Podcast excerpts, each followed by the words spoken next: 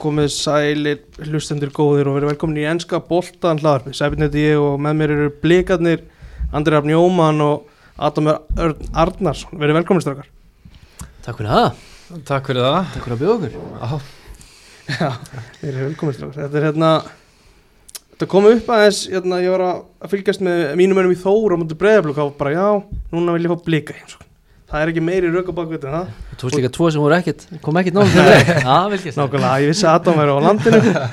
Og ég vissi að þú væri Brighton maður sem mér finnst alltaf mjög áhugavert. Já, Færið þið mikið að svona, einhver svona, einhver skotum á þessast Brighton stundum með þetta? Nei, ekki skotum en það er svona, það er alveg áhugi sko. Og bara gaman sko. Mhm, Það er líka að fáum ítla við Brighton sko þannig að maður er ekkert mikið að fá, fá skot sko en þetta er bara, bara áhugavert sko. nákvæmlega Þú ert liðbúlmaður, Adam, það ekki? Jú, ég er nokkuð harður liðbúlmaður vil ég menna Hvað, hvaðan kemur það? Það kemur bara sennilega frá pappa minu sko. Ég fekk eiginlega ekkert að velja lið sko. Þetta var bara hendmann í liðbúlbúningum og lítill og, og svo var ekki aftur snúið. Finnur nú ekkert mikið harðari liðbúmann en pappa er Hann er, hann getur verið svolítið yktur á, á Facebook og svona eða liðbúl er að spila. En hann er, hann er góður hluti að samfélaginu. En ég er endur alveg upp líka sem liðbúlmaður sko. Já, En ég ákvað bara í daginn að það væri hægt að breyta um lið. Hólið því sem Adam er að segja. Og fór á, fór á, fór á Amer, American Express Stadium árið 2015 og þá var Leopold í svona einhverju transition momenti það var Brenda Rodgers að fara og einhver, einhver þjóðu verið að taka við og mér leist ekkert á, á þessa vittleysu og ákvað bara skipti yfir í Championship lið Brighton. Og ég sé ekki til því.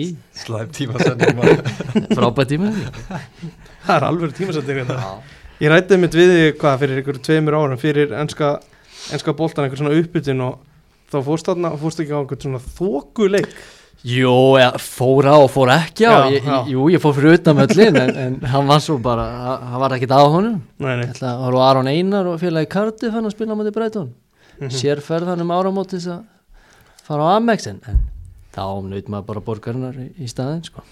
Nákvæmlega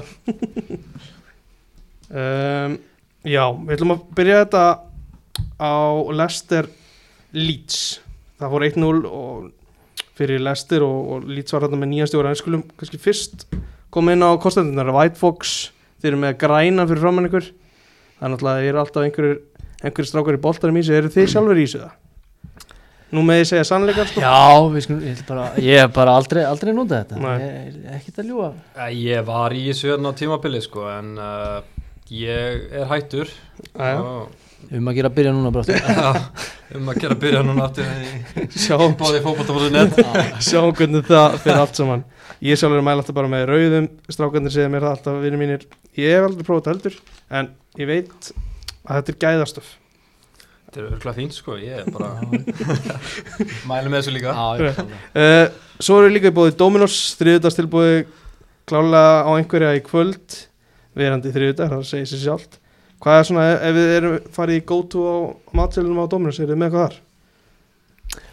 Já, ég- ykkar bara með hérna löfléttur botn, það er alltaf svona það fyrsta sem ég, og svo bara eitthvað, eitthvað, okkur, nú ástóna á þetta, þá er ég ánaður. Nákvæmlega, þú ekki stærra? Já, sko, ef ég fæ með Dominos þá er ég bara að leita í eitthvað feikt sko, bara meat and cheese. Já, bara classic sko. Þetta almennilega. Já, sen er ég búin að vera að prófa líka eitthvað með döðlum og eitthvað svona, mér finnst það Mhm. líka bara fínt sko. Ok. Það er svolítið svona alltaf að breyta, fá smá sætt í þetta. Já, vistu vel að Dominus klikkar í. Nei, nei, það er ekki klika hinga til. Nei, uh, Já, Leeds var hann með nýja stjóra, Jesse March uh, Þeir voru svona eiginlega líklegir framan af. Get, Er ekki alveg hægt að segja það? Leedsarnir, þeir voru að breyka svolítið á þá En, en Kasper Smekkel Hann sá til þess að Lester var inn í þessu og, og þegar svo markið kom þá, þá dugði það raun af Því að Smekkel held hreinu eins og hefur fram komið Hvernig svona sáu þið hennar leik? já, akkurat eins og segið, þá síjungi Kasper Smækkel bara einhvern veginn svona bjargaði sínu mönnum og, og held þeim inn í þessu og, og svo þetta eina mark hjá Lester sem duði til þess að vinna þetta, hann sé stert hjá þeim svona, það er nú ofta erfitt að mæta liðin sem er eitthvað með nýjan stjóra og það kemur einhvern veginn svona eitthvað erfiðar að lesa í það og auka, auka kraftur þannig að sterkur sigur hjá Lester sem hefur verið svona ekki upp og ofan á tímabilinu en mm -hmm. alveg skemmtilegt lið með góðan stjóra og, og, og flottu sigur hjá þeim Nákvæmlega Sást þú eitthvað merkild í þessu, Adam? Ég bara nokkuð, þú veist, jákvæða liður hjá, nei, leikur hjá Leeds þannig séð sko, ég menna er, erfitt að fara að spila útjámandi lestir þó að þeim hafi kannski ekki gengið alveg nóg vel án Vardí hana sem er búin að vera mittu sko, hann er núna komið til baka, baka og startaði hann leik en um, bara svona hörkuleikur á milli tveggjara, hvað getur maður ekki sagt bara skemmtilega að liða. Jú, bara, ég held að mig alveg segja það. Já, klálega sko. Sem er kannski frekar skrítið að enda 1-0 á milli þess að liðra kannski, ef maður svona horfir á, á fyrirleiki Þetta voru, það, það voru færi á fleiri mörgum og, Mhm. og, og eins og þessi, ég held að Smækjel fyrir leikmaður lýts hafi, hafi verið maður leiksins í þessu uh, Jamie Wardy er að koma tilbaka hann er ekki alveg komin í 90 minna stand en það er svona munar alveg helling fyrir þá að þeir að því að gengi hjá Lester hefur verið bara vel undir pari, er ekki að segja það? Jó, ég menna þeir eru í neðri hluta deildarinnar og þetta er lið sem hefur verið bara í kringum mestraröldasetti undan fann tímabilum Brand Rodgers þannig að þú veist þetta er klálega að vera vombriði en já, já, en svo, þú veist ekkert alls slæmt og hann stutt á milli í þessu og allt það sko þannig að þú veist, ég held að sé nú engin ástæð hjá löstumennum til að vera ykkur í paniki paniki við stöðinni en Mhm. aftur um til lýts og svona, þú veist líka emitt flottur klúpur og allt það en ég meina þeir eru konar hættur að nála þessari fallbaróttu og þurfa helst að fara að ná ykkur stig. Ekki það ég haldi að þeir eigi eitthvað þú veist, muni vera að falla enda þannig sko eða, eða mér finnst þeir eiga að vera í þeirri baróttu en, en þú þarf nú að einhvern tíma að ná í stig eða þú ætlar að halda þær uppi. Nákvæmlega. Uh, Ég rætti þessu Mána Pétursson í, í síðustug hann er náttúrulega eins harður lýtsar og þeir verða. Það er bara hlutlist mann Já. það er ekki, þú, það er ekki, ekki engi villis að tölu þar og hann er á því að að ef að Jesse Mars heldur liðin ekki uppi þá fá hann bara sparki um leiða því að lýtsar hafa enga þólum að fyrir einhverju öðru en Marcelo, Marcelo Bielsa núna. Eina sem dýr er, er árangur. Er, er hann að fara að halda þessu uppi, heldur það? Adam, hendi svo þig. Já, þú veist ég, mér finnst lýts vera lið sem á að halda sér uppi. Mm -hmm. uh, ef maður horfir svona á bara líka hópin og síðasta tímabil og hvernig þið spila og leikminna sem eru með Mhm. uh, það er svolítið spurt já, það er erfitt ef maður er liðið búin að vera kannski að standa sig eins og núna, þú veist, þið koma með nýjan þjálfara og eiga fína leikskilur og ná ekki að vinna og það getur verið alveg frikar hættulegt og vera að spila vel og ekki ná í stig og í þessari stuðu sem eru er í sko, en að ég ég er smá ágjör á lissunum bara að ég ætla að vera alveg Já. reynskilin sko Já, mikið vonaði að haldi þessu uppi og, og maður sé nú að Bamford er komin á bekkin og svona þetta lítur nú að fara. Vonaði líka bara gaman að heyri mána tala um eitthvað Já. leið til sko, Nákvæmlega, ég held að sé fleiri ég held að sé fleiri þar. Já, og svo líka maður horfir á þessi þrjú neðstulið þá með þau bara fyrir mig öll fara niður sko, þannig að Já, eins og er en kannski þú vilt alveg ótíma byrtar að það núna? Nei. Já, Norvits, Watford og bara ég held að bara börnlega maður sko, ég vil ekki sjá, ekki sjá hann niður. Meira, meira á börnlega eftir. Já, já, nei, Nákvæmlega, förum í, förum í næsta leik samt. Aston Villa 4, Southampton 0 Þetta var Já, Southampton var komin í að leik sem bara eitt að heitasti, heit, heitar liðum deildarinnar. Lenda snemma undir um, Lenda snemma, snemma, undir þegar að Watkins skorur eftir sendingu frá Danny Ings. og svo kemur uh, uh, Douglas Lewis og bæti við öðru marki rétt fyrir hálfleik. En í upphæði setna hálfleik gerist bara eitthvað eitthvað stórfullt þar eins og Southampton bara gleymi hvernig er að spila vörð bara algjörlega. Þetta var allt út um allt. Ég get alveg trúa að þetta sé svona þú veist, því, því breyflik hafa stundum alveg farið í mörderból svona, svona, þegar allt fyrir rugg það lítur að enda í einhverju enda bara í einhverju svona Já, vissulega sko, það er náttúrulega tilgangurinn með mördubóla að allt fari rugg en ég vona að þetta ekki er svona uppsett okkar mönnum í sáðundun en, en já, vissulega bara einhvern veginn kemur eitthvað moment og menn missa einbindingu og, og það skelfilegt er að það enda svona sko. Mhm. og ég mitt þessi leikur náttúrulega bara búinn búinn snemma sko. En tvö er náttúrulega bara bara eins og sagði, sáþundum múin að vera hrikalega flottir og, og Aston Villa náttúrulega svona með, með Gerrard og svona emitt bara og flottan leikmannahóp er bara fínasta lið. Mhm. sá það mitt síðustu helgi þegar það er komið svona aftur á bræðið með sigri á, á á mínum mönnum Brighton og maður sá alveg að það eru helling skæði í, í, þessu, í þessu liði og þeir kannski eru bara þetta á eitthvað svona skrið núna sko. Einmitt, Coutinho sjóðandi heitur og, og Danny Ings farin að virka með og ljótkins það er svona eitthvað sem að þeir, þeir, þá hefur vantað. Uh, Nú ert þú púlar og ég hef spurt alla púlar sem er komið hérna er ekki ástofilla svolítið er það bara fast til ykkur að það sé lið nummer tvö Já, ég við kynna það sko, mér langaði að kaupa treyju þegar ég sá Gerard og, og Coutinho vera að koma annað og náttúrulega Ings Gema þarna Dan líka sko. Liverpool legendinu Já, mér mér finnst mjög gaman að fylgjast með bara svona sem púlari sko, Mhm. með sérstaklega líka bara einhvern veginn Gerard var svona aðal stjarnan og svona fyrirmyndum að sem að var yngri sko, mm -hmm. svona ég já, ég er mjög gaman að því og eins og þú segir hann með Sáðondon maður virðist vera veist, þessi leikur hefði getað að færi starra sko, með með að við færin og það virðist vera eins góður að það geta verið Mhm. þá bara eiga leiki sem að þeir eru já, eins og segir, bara missa allan fókus eða eitthvað og bara hleypa anstæðinum allt og létt í gegnum sig, bara drekk í drekk sem að já, þeir eru ánáttúrulega tapað núna hvað, tvisvar 9-0 eða eitthvað svo leið Mhm. þannig að þessi leikur er léttlega geta fyrir 6-7-0 sko, þannig að þeir virðast, já, lendi þessu inn á milli. En það er úr eitthvað mörg stíg samt sko Já, þeir eru búin að vera það bara heitir Já, í rauninni. En, það, en svo þegar skellum já kemur þá bara um að gera taka hann almennilega. Almennilega. Það er ekki að sinni á jörðina og halda áfram sko. Fá eina þrjumur ræðu Já, já. og aðeins að núlstilla Hasenútur Já, einmitt sko. Það var komið full mikið af einhverju United Já, ekki að það er mannsættir hætti því. Þetta var ágættis núlstilling þar. Um, það voru hérna Coutinho í þessu leik hann svona myndi á bara Coutinho på sitt besta, er ekki hægt að segja það? Jú, líka bara hann er núna alltaf að spila meira og meira og bara komast í betra og betra form Mhm. sko. Ég man hann í þessum fyrstu leikjum sá maður skilur þegar hann var með boltan að gæðin er geggjar í fótbolta en síðan það leið á leikin þá sá maður líka hann var ekkert að kannski skila öllum hlaupum tilbaka og var bara svona aðeins að já, kannski búinn á því að spara orku eða eitthvað svoleið sko en Mm.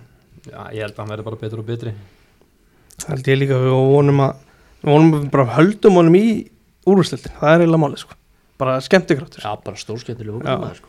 Gaman að Gerard hafi náði hann og sé svona Mhm. maður sem hefur mikla trú á honum skilja hann liða eftir að spila með honum og, og gefur hann bara tröstið og, og hann tíma bara til þess að ná upp fyrir formi sko. Akkurat. Og svona á kostna þess að Ings og Watkins eru byrjar að finna taktin þá hefur búin díða þess þurft að fara á bekkin og ég held að það sé eitthvað sem er komið til að vera því að, því að þessi frammerjar tveir þeir eru að tengja vel saman og eru það er meiri gæðið held ég í, held, í þeim held ég heldur en í búin díða svona alltaf eins og hann hefur sínt uh, ég held að er eitthvað meira í þessu leik sem að sjáu það? Nei, nei, bara maður pælir einmitt í þessum mönnum svo Watkins og Ing sem er einhvern veginn geta verið á fullu í 90 mínútur og mikið hreyfing og vinna góða varnavinn og svona og svo ertu með menn svo Coutinho í kringum sem getur einhvern veginn þegar hann fæði boltan þá er alltaf eitthvað að gerast í kringum hann svona þannig að maður sér fyrir sig þetta eigi- geta gengið bara mjög vel upp sko. Líka með þú veist síðan er það með Makinn hana og, Ramsey á bak svo Makinn alltaf er bara einhver sá að segur alvöru vél sko, alvöru mótor í honum og Lúi sem getur bara verið í þessu liggjandi rólega hana og veist, mér finnst það lið bara, bara hörsku lið. Já bara lúka mjög vel, bara hvernig saman því. svona balansin í liðinu, Mhm. mm -hmm. Ég held að þeir voru, uh, Luka Dini var ekki með þessu leik og eldgamli Asli Jóng var mettur í vinstri bakurinn og skilaði líka bara 4-0 sigri. Já, þannig að það þýðir ekkert að fara að bekka hann núna. Fýta veit svona gæði sem getur bara spila núna hvað sem er á vellinum og er bara tilbúin þeirra á þarf sko. Rétt. Uh, þessi lið eru svona, þau eru hvað, eru ekki bæði bara kringum miðja dild, jú, jú. Það eru ekkert svona er engin, ég held að það sé engin Evrópu bara átta framundan eða, eða fallbarátta hjá þessum tveimur liðum. Þú útiloka Nei, það? ég veit sko, held sem bara einmitt áframhaldandi siglinganum miða deild sko, Mhm. Já, bara einmitt ég held að þetta spekli bara svolítið svona allavega sérstaklega stó villa. Ég meina ég kem bara, ég held að Sáþóntón í efri hlutu deildan á þessum tímpúndi sé bara ofar vendingum sko. Mm já, það held ég líka. Aston Villa náttúrulega byrjaði hrikalega. Svona erfitt fyrir þá kannski að vera eitthvað að blanda sér í baróttum Já, Evrópu og já, mestradeildi eða eitthvað svoleið sko. Hljóta að horfa á bara þess að resta tímbili bara fyrir þess einhvern veginn að móta eh, liðið og, og drilla á þannig sko, Mhm. fyrir vonandi koma svo sterkinn í næsta tímbil sko. Einmitt, hann náttúrulega byrjaði frábæla í rauninni þegar hann kemur inn og var í rauninni, hvað var hann ekki, hann tapaði bara á móti Liverpool og City og úst, liðunum á topnum en hann fekk svona smá svona í, í janúar og februar að kynnast aðeins úrvarsleiti þar sem að þú getur tapað á móti öllu liðum það er eins og, eins og þið segi, ég held að, held að restina tíðumbilinu hjálpa honum aðeins svona að finna taktin hvað var þar úrvarsleitina því að þetta er ekki alveg eins og að stýra Rangers Nei, þetta var líka alltaf á móti liðin sem er í fallbóratu sem Já. var að tapa stíðum sko, þannig að það fór maður svona að hugsa hvort að byrjunin hafi verið bara eitthvað svona nýr þjálfari og, og mm. leikmennir einhvern veginn svona að sína sig og fengið eitthvað svona smá búst, tímabundi búst Mm. En ég menna þeir eru búin að réttu kútnum og það verðist vera allavega. Ég þeir náttúrulega frábærum sigri á Amex vellinu sko. Já, 2-0 sigur á Amex það, það er nú eitthvað til að byggja nú sko. Rétt, meira aðmæks á eftir. Uh, Förum á Torf Múr. Torf Múr á í Burnley, ég kíkti þar um daginn. Þetta er, stór, þetta er, svona, þetta er alvöru breggstemning. Uh, ég mæli með að allir kíkja þarna áður en að já, vonandi áður en að er sagt, vonandi að þeir falli ekki ætla ég er nú að koma fram mér. Uh, staðan var 0-0 í hálfleik og það var svo sem ekkert eitthvað þannig sé mikið í, í leik Chelsea í fyriráleik sem að benti til þess að þetta væri að fara þetta í 4-0 á hvað, rúmlega 20 myndum í setnáleik þetta, all, þetta hrýnur allt þannig hjá, hjá börnulegum leiðurinn í fyrsta marki kemur. Um, byrjum þetta kannski á bara Rhys James. Hann er að koma tilbaka með mark stóðsettíku og í raun alltaf þegar að Chelsea var að sækja þá var hann hann komin inn í tegin og hann er vangbakur, hann er ekki framherri sko.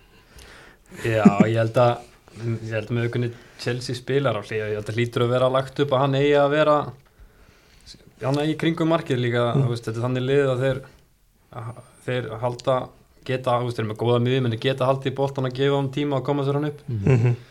Og síðan eru þau líka með hann, hann er með Tjalabó hann á bakvið sig sem er með hraða sem Mhm. að þú veist, hann dekkar alveg stórt svæði á bakvið hann og kanti sér kapti skilur. hinn með vissi sko. Það er að kofra stórt svæði sko. Ekki alltaf mikið stresseldi fyrir hann að vera koma sér fram á við. Nei, mitt bara, þú veist, svona luxusin að vera með leikmanni svo kanti. Það líktur að gefa þér svolítið mikið frjálsræði.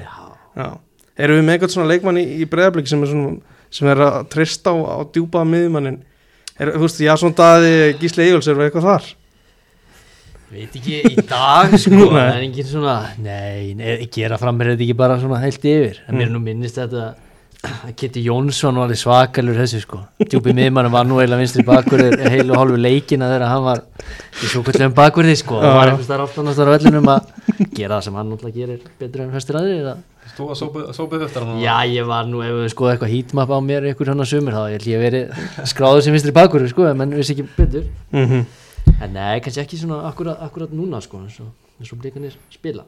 Nei. Uh, Kai Havertz, hann er að sína ég held að sé þriðja fjóra tímabili röð sem að, ekki er hann nú gamall sem hann er að sína að hann er allt annað leikmar veginn svona þegar að kemur að setni hluta tímabilis hann átti frábæra frábæra hérna tíma í, í fyrra þegar Chelsea kláraði meistarildina og núna situr hann tvö og Romelu Lukaku er á bekknum. Já, þetta er eitthvað ég veit ekki alveg hvað hva, hva hafið þið Lukaku? Ég fylgdi svona svolítið með ítalska boltanum og Inter þegar hann var hann að mm -hmm. frammi með Lóttur og Martínez og, og þeir voru óstöðandi og bara, þú veist þá horfði maður á leik eftir leik og hugsaði þú veist, það, það getur ekki nátt áttu við hann. Þú veist, Mhm. hvort sem það var einhvern veginn að- inn í tegnum eða í einhverju bildöppi eða eitthvað, eitthvað þannig sko. Þannig að hérna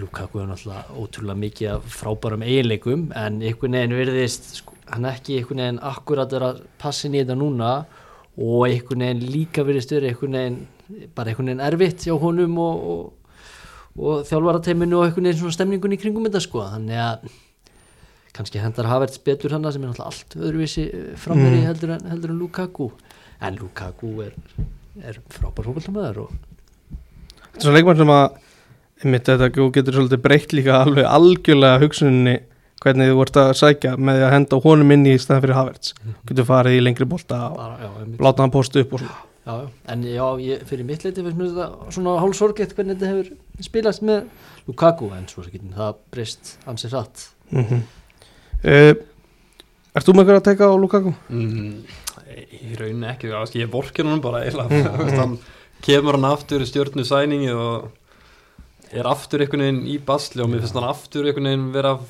lúkka svona smá þungur og einhvern veginn svona smá lung, langa snertingar og eitthvað svona Mm. eins og var í United á tímbili en veist núna líka hjá Havertz byrja frammi, skora tvö það er ekkert eitthvað að gera hlutina léttara fyrir hann að, koma inn Mhm. Nei. en að ég Ég held að þau eru bara svakalega miklu ástu sem maður hann Já. þarf bara að vera, þú veist, það er bara kontið að vera með hann og segja að nei að vera hann og hann mun spila allar mínútur og sé bestur og Mhm. þá verður hann það Já, en einhvern veginn svona þegar er eitthvað svona á móti blæs og eitthvað hlutin ekki alveg að ganga upp þá svona einhvern veginn svona fljótt einhvern veginn að halla, hallanda fæti já uh, 4-0 hjá Burnley og þeir eru svona þeir eru svona að horfa í liðin fyrir ofan sig og voru alveg á voru fínum ekki búin að tengi ykkur að sigra það náður Jú, þeir voru með, hvað, þeir voru unnu tvo leikir rauðum daginn, en svo sem núna er það komið hvað, eitt stíð sístu þremur, þannig að það er svona jarðsambandi góða komið þar.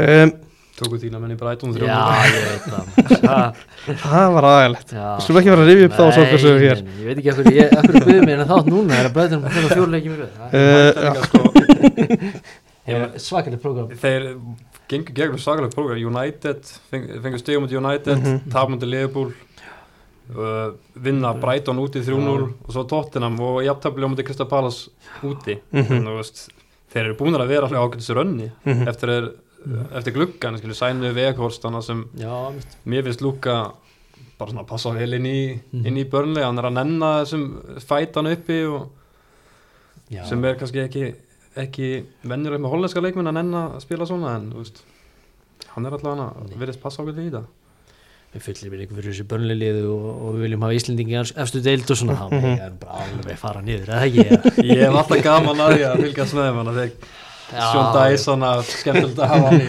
Já, hann er eftir sko. hann gerir bara það sem hann vil með lið og hann er ekkert að breyta út frá því. Neitt sko. Ég held að sé hægt að horfa í eitt satt alveg í börnuleguna því að uh, Ben Mee fyrir út af í fyrra áleik í síðasta leik Mhm. í stöðinu 0-0 og síðan eru þeir búin að tapa 6-0 sérst þeim kapla það er mikilvægi Ben Mee og tengingin á milli hann, tar, hans Tarkovski og Pópe er eitthvað svona Mhm. eitthvað sem að hefur skilað um þetta þó þetta langt og í þessa málendur náttúrulega bara stríðsmenn, Benny Mhm. og Tarkovski þann og gera bara, þú veist, henda frábærlega í það sem börn er að gera, líka neðarlega og þeir eiga tegin og, og, og bara eru einmitt frábæri í því sko, þannig að það getur klárt mála mm. það sé hafa svolítið áhrif á varnarleikin hefur sérstaklega. Talandi kannski aðeins um að því að þú ert breytumæður Jú, jú. og Dan Börn var fenginn í Newcastle Já, af hverju, þú veist ég veit ekki alveg, ég var svona renni yfir fréttur og svona, ég skildi alveg ekki af hverju Tarkovski var ekki tekinn í stað fyrir Dan eitthvað, þú veist, ekkit, ekkit kannski í staðin en af hverju já. þeir horfðu í Börn frekar en Tarkovski Já, Newcastle þá Já, Newcastle. Já, sko ég hef uh, alveg rosalega hátt álita á Dan Byrne sko Mhm. og ég skil það fullkomlega tók skilja á, fyrir. já, ok Svo er það líka Dan Byrne er, hann er uppalinn hjá Newcastle Mhm. það er mikil tenging þar sko Auðvitað. En Dan Byrne er einhvern veginn sko er búin að vera bara, maður sér það best núna bara búin að vera límið í þessum varnarleik hjá Brighton á þessu tímabili, ótrúlega segur varnarmaður Mhm. og einhvern veginn kemur bara sífelt á óvart sko, hvernig, hversu góður er að verjast og einhvern veginn með alla sína sentimetra einhvern veginn bara kvikar en menn áttu sig á og einhvern veginn ótrúlega leiðtói, þannig að ég held og svo sem kannski ekki ræða njúkustu núna en ég held að stór þáttur líka í velginni þeirra sé einmitt að Mhm. þeir hafi náði hann sko Einmitt. þannig að ég ég ætla að segja ég skilja það fyrst en næsti leikur er einmitt Newcastle Brighton. Og svona af því að þú segir, segir þetta með Dan Byrne og, og límirunni vörðinni Brighton. Ég, ég hef alltaf haldið að Lewis Dunk væri þetta svo kallar lím. Klárt mála, hann hefur náttúrulega verið það undanfærin ár sko, Mm. en svo einhvern veginn fyrir áramót þá meðist döngu og hann lendir í banni búin að lenda í banni tvisvar og, og þá hafði maður einmitt miklar áhugir af varnarleiknum. En þá einhvern veginn svona steigt Dan Börn upp og tók einhvern veginn svona við við keflinu og einhvern veginn hefur ekki alveg skilaði bara ennþá til Nei. döngu sko, einhvern veginn einhvern veginn þannig og, og ég held að sé sko hlutverk hans í liðinu hafi verið meira en maður átt að segja á mm Mhm. Graham Potter er alltaf að tala um það að þeir sem skilja ekki af hverju eh, Dan Börn er að spila því hann einhvern veginn ef, ef, ef þeir eru allir heilir hafsendinni þá er, er farið í þryggjumar vörð svo að Dan Börn sé inn á vellinum eða þá að hann sé einhvern veginn ykkur skonar vinstri bakur eða einhvern veginn einmitt. koma hann fyrir sko Mhm.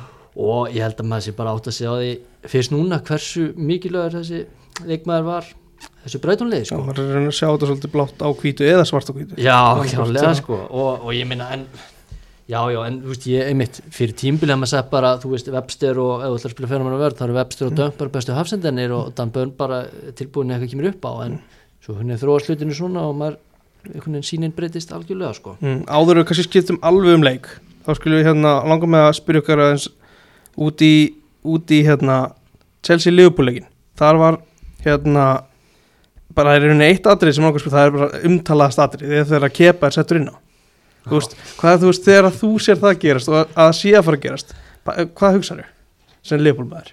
Uh, sko ég hef einhvern veginn aldrei skilið þetta persónlega sko uh,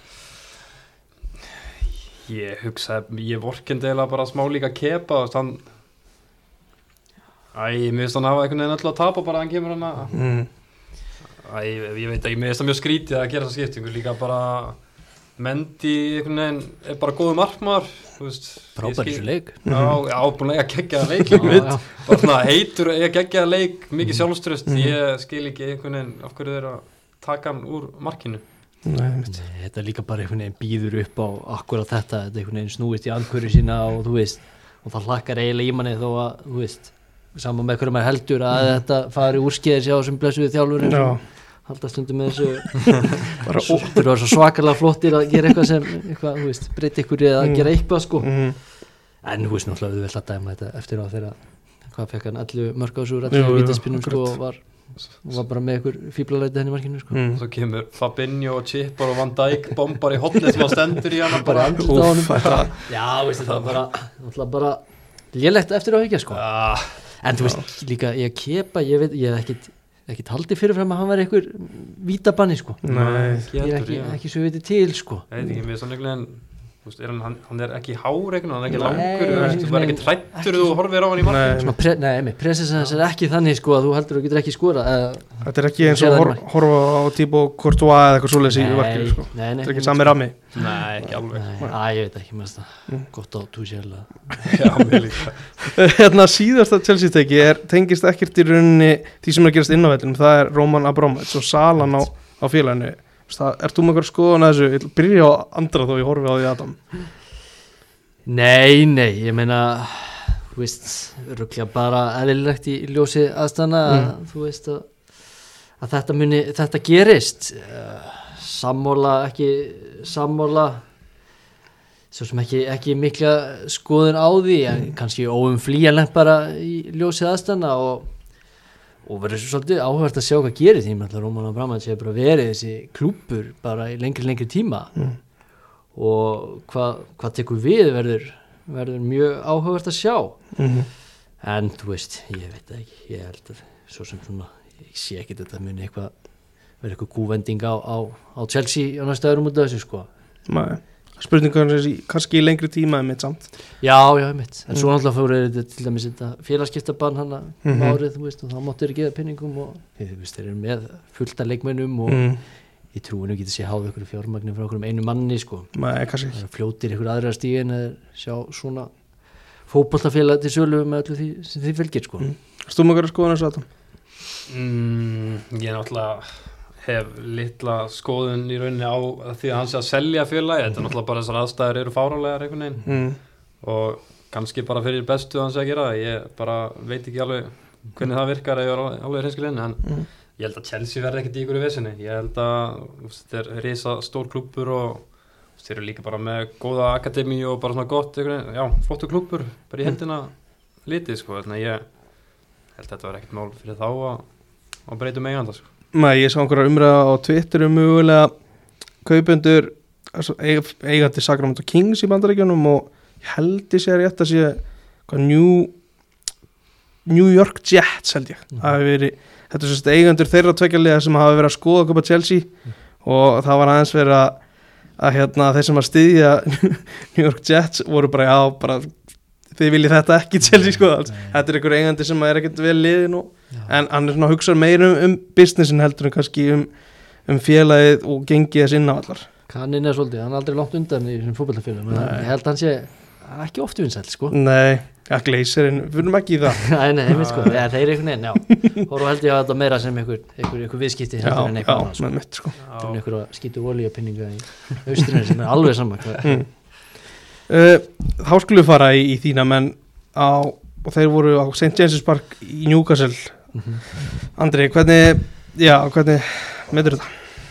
Já, ég meina, þú veist, tímabilið í heilsinni bara allt í lagi, sko Mm. og, og ég meina, fjögur töp núna í röð ég meina, hefur þú spyrst mér fyrir þá fjóra leiki og þetta bara allt er í toppmálum og flottur fyrirluti og þú veist, maður fann að sjá fyrir sér ykkur Evropastætti sem maður er búin að vera að lofa í mörg ár, sko En svo hefur lítið gengið eftir áramót og kannski eins og þess að missa Dan Byrne og Bissúma fyrir Afrikumóti og kemur einhvern veginn ekki saman tilbaka, Lallana, ótrúlega satt þá klíma eitthvað meðisli og, og Velbeck líka, eða þið trúa því sko. Nei, báðir Það eru nú báður konur í hóp sko. En það er einhvern veginn svona, ég veit, það er erfitt að, einmitt að átta sig á að setja putna nokkulega hvað hefur breyst því að ég meina, eins og Adam vorum líka ræða hann, þetta er yfirleitt, yfirleitt velspilaði fótballtaleiki svona heilt yfir og, og, og hérna, mjög svona sterk filosófía og, og gaman að horfa á það sko, en það er einhvern veginn einhvern veginn svona mómenti ekki, ekki með þeim núna og allt svona frekar, frekar þungt einhvern veginn og erfitt að, mjög erfitt erfiðar oft áður að, að skora mörk og svona sko, þannig að og leikinn svona fá markus og föstum leikadrum og eitthvað svona sko sem er ólíkt ólíkt Breitón sko, þannig að eins og horfa á þetta núna þetta bara lélega gengi undanfærið mjög erfitt prógram framundan. Ég held sem ekki að fara, fara í ykkur að fallbaróttu en bara svona þú veist að hérna líka hann sjó restina tímbil og vonandi bara bara fyrir maður að sjá okkur jákvæð teikt svona í lók tímbil svona til þess að brúa bilið inn inn í það næsta. Og vonandi að það verður bara uh, gerðar ykkur smá bætingar á leikmannofnum sérstaklega svona kannski fram á við eitthvað markaskóra sem hefur vantað bara lengi í Breitón og ég held að séu flestir svona sammálum sko. Mhm. þannig að ég held að það er ekki engin krísa en þetta er oft verið skemmtilega undanfannu vikur. Þeir eru með, hvað, með 33 stig 5 stigum fyrir ofan núna Newcastle sem er í setinu fyrir neðan.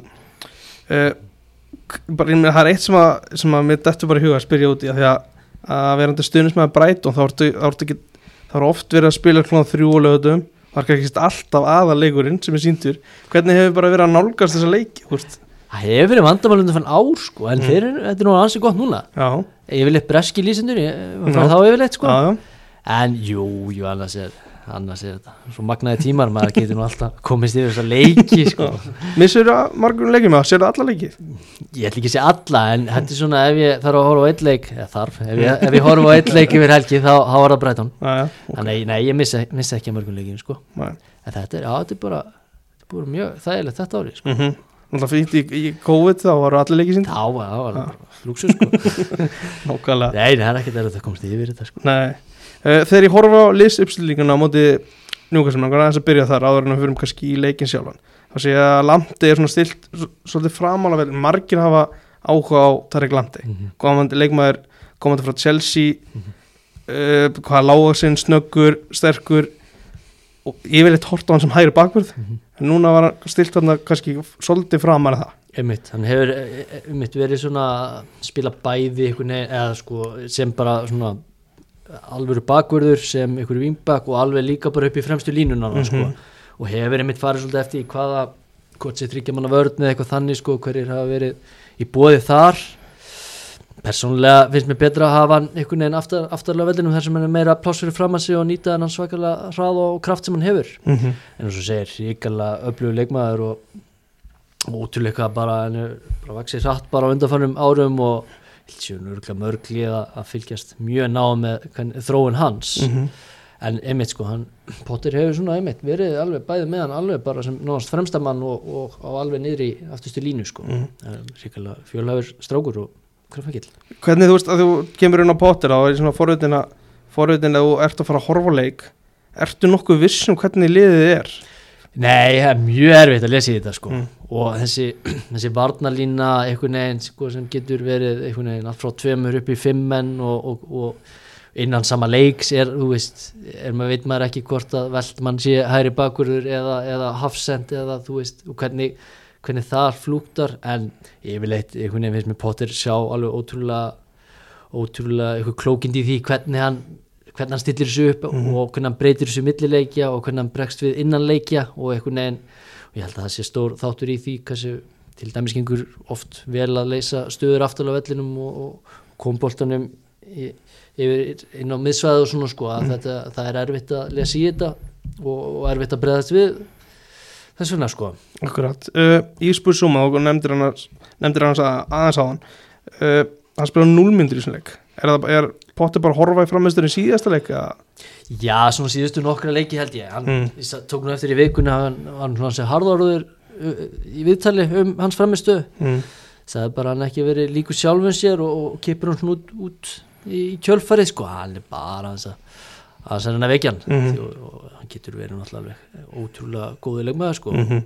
og eins og með lamdi þá er náttúrulega fullt að Aston Villa var nú að virkilega reyna að fá hann í glukkanum og það verður áframaldi, áframaldi því í sumar sko. Mm þegar hann á deginu sínu þá voru þá var hann bara mínum að deina betri miðmennum með sér deild. Akkurat, er einhver, einhver aðrir fyrir utan þessar tvo sem að sem að stærri leik kannski getur verið að horfa í? Já sko Webster hefur verið ótrúlega segur í, í varnalínni búin að vera frá núna vegna meðsla Mhm. og það var nú talað um að Southgate væri að fara að taka hann inn í næsta ennska landslýsóp Mhm. Hann hefur verið ríkarlega flottur uh, svona kemur fyrst upp í höra Kukurella í vinstri bakunum hefur komið bara einhvern veginn Mhm. komið sent í klukkanum og hefur bara spilað hverja mínútu og ótrúlega orku mikill og spænskur verðspilandi vinstri bakurður Mhm. Þannig að það er svona, já, helst, helst þessi leikmenn sko og Roberto Sanchez náttúrulega í markinu komin í spænska landslýsópin og svona þannig að það er- margir, margir spennandi leikmenn sko uh, Hvernig er þetta samt hjá á Brighton? Er, er Potter, er hann sjá alfarir um hvaða leikmenn er að koma? Er einhver stefna sem er utan um hann? Já, það hefur náttúrulega verið í svona lengri tíma svolítið sterk stefna hjá Tony Bloom eigandanum og hérna Eimsworth heitir hann held ég sem var yfir maður Kaspinumala sem Newcastle nefnt stað núna í klukkanum ok. þannig að hann hefur séð með þessu undan ár og hefur verið svona ansi held ég metnaði full og svona veist, stefna til lengri tíma hvaða leikmenn kemur inn og rosalega lítið eitthvað stress eða panik og einhvern veginn svona rosalega sterk yfirsýn til lengri tíma og mikil þólumæð þannig að það hefur verið bara aðdónavert einhvern veginn.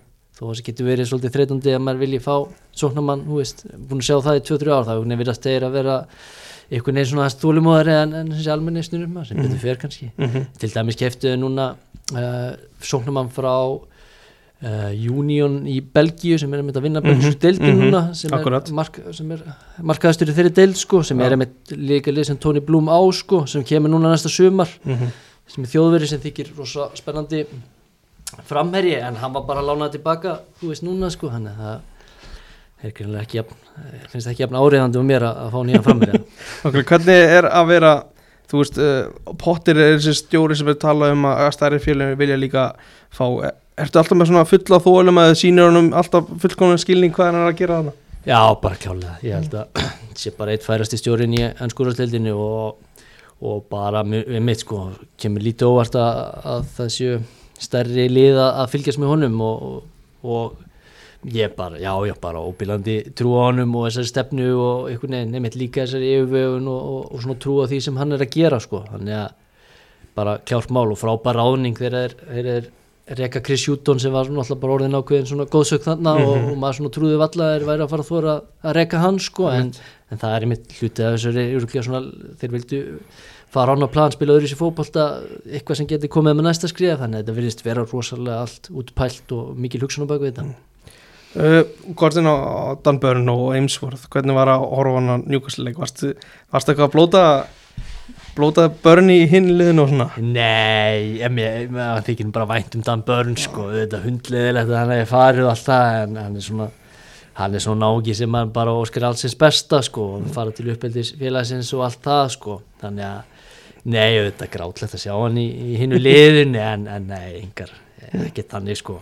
Hvernig meður framistuðuna í þessum leik? Varstu Hvernig var að þetta? bara, eh, bara fyrir hálfleikur skelvilegur og raunin svolítið framhald af síðustu leikjum en setni hálfleikur var mjög góður og, og í rauninni bara hefði getað jafnað hana leik og, og gert enn eitt játtöflið á þessu tímbili þannig að þú veist, þetta er bara mjög kapla skipt en þú veist, langt frá því sem þeir hafa sínt fyrir á þessu tímbili en svona setni hálfleikur allavega, hann, var svona í rétt átt. 68% með boltan það er ekki duðað Nei, ja, maður er nú, maður er nú vanur að sjá mitt þessa tölfræði og ykkur, ykkur heiminn HXG og allt Mhm, það, sko, einmitt. það er orðið bara, maður er einhvern veginn hættur að pæla í því, sko, en það er bara, já, hann er, vill potti spila og aðdánavert og, og með, með, hann er líka að skapa færi og svona, þú veist, það er, það er hugmyndafræði í þessu og svona, sko, hann er, hann er, þetta er bara, er bara gaman að horfa bara eitthvað, Mm. alltaf, sko. ef, þú- þyrftir að velja tvo sóknarmenn til þess að byrja eitthvað leik hvaða leik, leikmenn væri það? Sko, ég trossart er náttúrulega bara, finnst mér alveg í, í, í sér gæðaflokki þannig, sko, Mm. þannig að hann er alltaf maður sem myndi byrja og hann svona pottir yfirleitt með svona tvo sem byrja eiginlega frammi svo myndi ég velja, velja velbæk með honum sko Mhm. Mopay, svona, hann, hann skora sín 10-15 mörgum tíumbili en fær færi til að skora svona 20-30 þannig að þú veist þannig að ég svona, þú veist ma- manni finnst alltaf vanta kannski einhvern alvöru svona kannski aðeins næsta geðaflokki Mhm. mann svona til þess að vera hana fremstur og, og, og klára þessi færi Já uh, Þú sem stundismæður Leopold og horfður kannski á svona nokkra leiki annars, hvað, þú veist horfður á Brighton, skilur andra Jómann að halda með þessu lið? Ég held að það sé erfitt að, að vera Brighton stuðismæður, þú veist allt þetta XG sem eru alltaf með og, og veist, þeir, ég, þeir dómin, dóminera næstu í einhvern neðasta leik bara sem að sé með þeim sko, en alltaf textum að, að sem sagt, klúra stegunum þannig að ég ég meina ég bara virði það hann, hann haldi ennþá með Brighton sko. það Nákvæmlega er bara heið, heiðalegt sko. mm. Þú ert hérna aftur að þér Andri þetta verður svolítið lengra hjá þér í þessu leik Já, uh, Þú ert líka fútbolmannsinspilari Það vita það einhverjir, ekki, ekki kannski allir. Uh, Hefur prófað núna í nýja leiknum að taka Newcastle og taka eitthvað ævintri? Nei, ég hef nú ekki gert það. Nei. Ég veit að Jason félag okkar, hann var voða glæður hérna æfingu, sagði með það, hann unni tímbili með, eh, deildin á fyrsta tímbili með Newcastle. og keft bara hálfan heiminn held ég sko. Já, Nei, ég hef ekki gert það sko. Ég fer í eitthvað svona neðri dildar, eitthvað, mm, eitthvað, eitthvað flóknir eitthvað, eitthvað, vesen sko. Já, En, en bara ef við turum að þetta Newcastle lið, ég einmitt. meina, þú veist, það kom alltaf inn fullt af peningum og þetta í hái kemur annað og kemur Janu og gluggi, ríkarlega flókin gluggi fyrir þá mm þú veist, sæki ykkur að leikmenn þú veist, Trippier og Dan Burn og Chris Wood og Bruno Gomares eða eitthvað svona sko þú veist, þetta, þetta þurfti ekkert að ganga upp, veist, Nei, nei. Bara það að þeir séu alltaf búin að rétta úr kúfnum og koma sér úr fallbarðunum svona, ég þegar einhvern veginn þetta fór í gangu svona, ég einhvern veginn fannst þetta stefna bara í eitthvað bull sko, eitthvað, safna einhverjum leikmennu til sín og þetta er bara beint niður og myndi ekkert ganga sko. Þetta stemdi alveg í það En að þú nöfnir svo til að tellja upp eru samt bara svona svona úrvarsleita leikmenn fyrir utan Bruno Girmaris þetta er svona leikmenn sem eru alveg svolítið prúven með maður target on og þetta líka. Þannig að- og horfir, horfir vantarlega svolítið í veikleikinni í liðunum sem að byrja náttúrulega fyrst alveg byrjun setur hann dúpar afkvæði marki sem var bara fyrsta skrif sem skildi, engin skildi af hverju hann var ekki í markinu. Uh, og svo tekur hann inn Dan Börn og fyrirliðinni setur á bekknum. Það er svona allt annað lífan þetta var ég Klárlega, sko, bara veist, klár, klárt, klárt að þetta þurfti. En Chris Wood samt. Uh, að því að núna voru að tala um vegkost á hann. Þetta er samt svona af hverju er þetta ekki samt einhvern veginn alveg búið að smetla hann? Er eitthvað er, er hann bara, er hann líkitt í uppspili eða hvað er þetta? Að hann er ekki að skora, hann er ekki að skora neitt. Þetta er bara Dan Burn sko. Mm, það þarf ekkert annað. Nei, ég veit ekki, ég, Chris Wood hefur ekki mér er ekki þótt hann skemmtilegur eða, eða svona, þú veist. Þetta er ekki maður sem ég hefði eitt peningi ef ég hefði verið að kaupa njúkastúr sko, Mhm. eða samþýtt það. En eitthvað, eitthvað er að virka hjá hann sko, hann tekur náttúrulega mikið til sín og allt það og, og, og, og hefur svona kosti sko, en það er frábær spurning hva, af hverju þetta er að virka því Mhm. ég, þú veist það minnir mér svolítið, var ekki QPR í hannum árið sem einhvern veginn sótti svona einmitt samba á Jingsung Park og Einmitt. Sjónar Phillips og þú veist, voru rakleðis niður, Nico Mm. Krantzar og eitthvað svona sko. Ríó Ferdinand var hann líka Já, já, bara allir sem vildu þú veist, spila þeirra sko. ég horfði bara, mér fannst það bara nákvæmlega sigli eitthvað þannig sko. Já. En var það að Joelton á miðuna líka Mhm. hleypur Já, og bara hann allt í einu orðin ykkur box to box hann að bara algjör skeppna á miðinni og Freyser og Agnar til lífsins líka hann Mhm. hann alltaf voru, voru sa- hafa unni saman á þær. Þannig að- Já, já, ég er náttúrulega með Sjari Fantrax, þannig að ég er mjög ánægð með hann, hann Já, skoraði sér tveim leikum. Skora, já, ég var ekki ánað með það. Nei, en í, í setni þetta komið í, í 2-1 Andri varstu að, var, var eitthvað í kortunum eða getur jafnað þetta? Já, já, það var alveg það sko. Það kom, ég meina eftir að staðan verið 2-1 þá einhvern veginn fer njúkastur svolítið bara það að þeir ætlu að ná sér í þrjú stig Mhm. og, og þeir leggjast mjög neðarlega og það kom alveg alveg momenta sem þar sem þeir sko bara, hú veist, að bjarga nánast á línu sko. Mhm. þannig að þetta hefði alveg getað enda 2-2 en sumulegis þetta líka getað enda 3-1 já, breytum hún náttúrulega bara virkilega reyna að ná í þetta mark og, og, og komur skyndir svona í bakið sko. Akkurat. Líka með Saint Maximin á bekknum. Hann kemur inn á svo sko það var alveg smá sprengi í honum hann að fá hann inn á í skyndisónunar smá orka. Rétt. Uh, þú þurftir að taka einn einn leikmann í eina stuði sumar var það frammeiri? það verið Já. bara klársmál sko. Það er bara klár svona einhvern veginn veikleiki já, já, ég myndi segja það. Það er nú orðaðið lengi vinna núna sann hjá Benfica já, sem er svona maður hefur aðeins séð til virkar eins og geti verið svona gæði sem heitir henda einhvern veginn fullkomlinni í þetta hósku mikill og, og getur skora mörg og svona. Mm, og maður sér svona örgulega maður svona sér fljótubræði af hverju hann hefur orðaður og örgulega af hverju þeir er að, er að líta til hans sko. Mér finnst hann geggja, sko, ég sé hann nokkru sinnum Þannig að með Benfica mm. og mér finnst hann Já, ég, finnst hann mjög góð þetta var líka ég held að Tottenham og fleiri liða verið orðið hann sko. Hann er mitt eitthvað var ekki með hann í einhverju undakefni mestradildarinnar hann í sumaklukkan og þá heldur nú menna að hann væri bara komið til Breitón sko en ég veit Mm. ekki hvort, hva, hvort eitthvað er gerst eða eitthvað. En vonandi Nei. bara vonandi gera það þetta sumar. Nákvæmlega. Uh, Norvids Brentford við tölum fyrir þátt að við ætlum ekki að taka- tala mikið um hann en hann fáum við þrennu frá Ivan Tónei sem er búin að vera ískaldur eða svona að þú veist hann er búin að vera meittur og í brasi fyrir meðsli og hann að skora hann aðeins. En svona heilt yfir eftir frábæra byrjun er hann búin að vera frekakaldur, hann hendur í þrennu Móndi Norvids er í rauninni klárar þetta bara sjálfur. Þú talar um fandrags, ertu með hann í fandrags?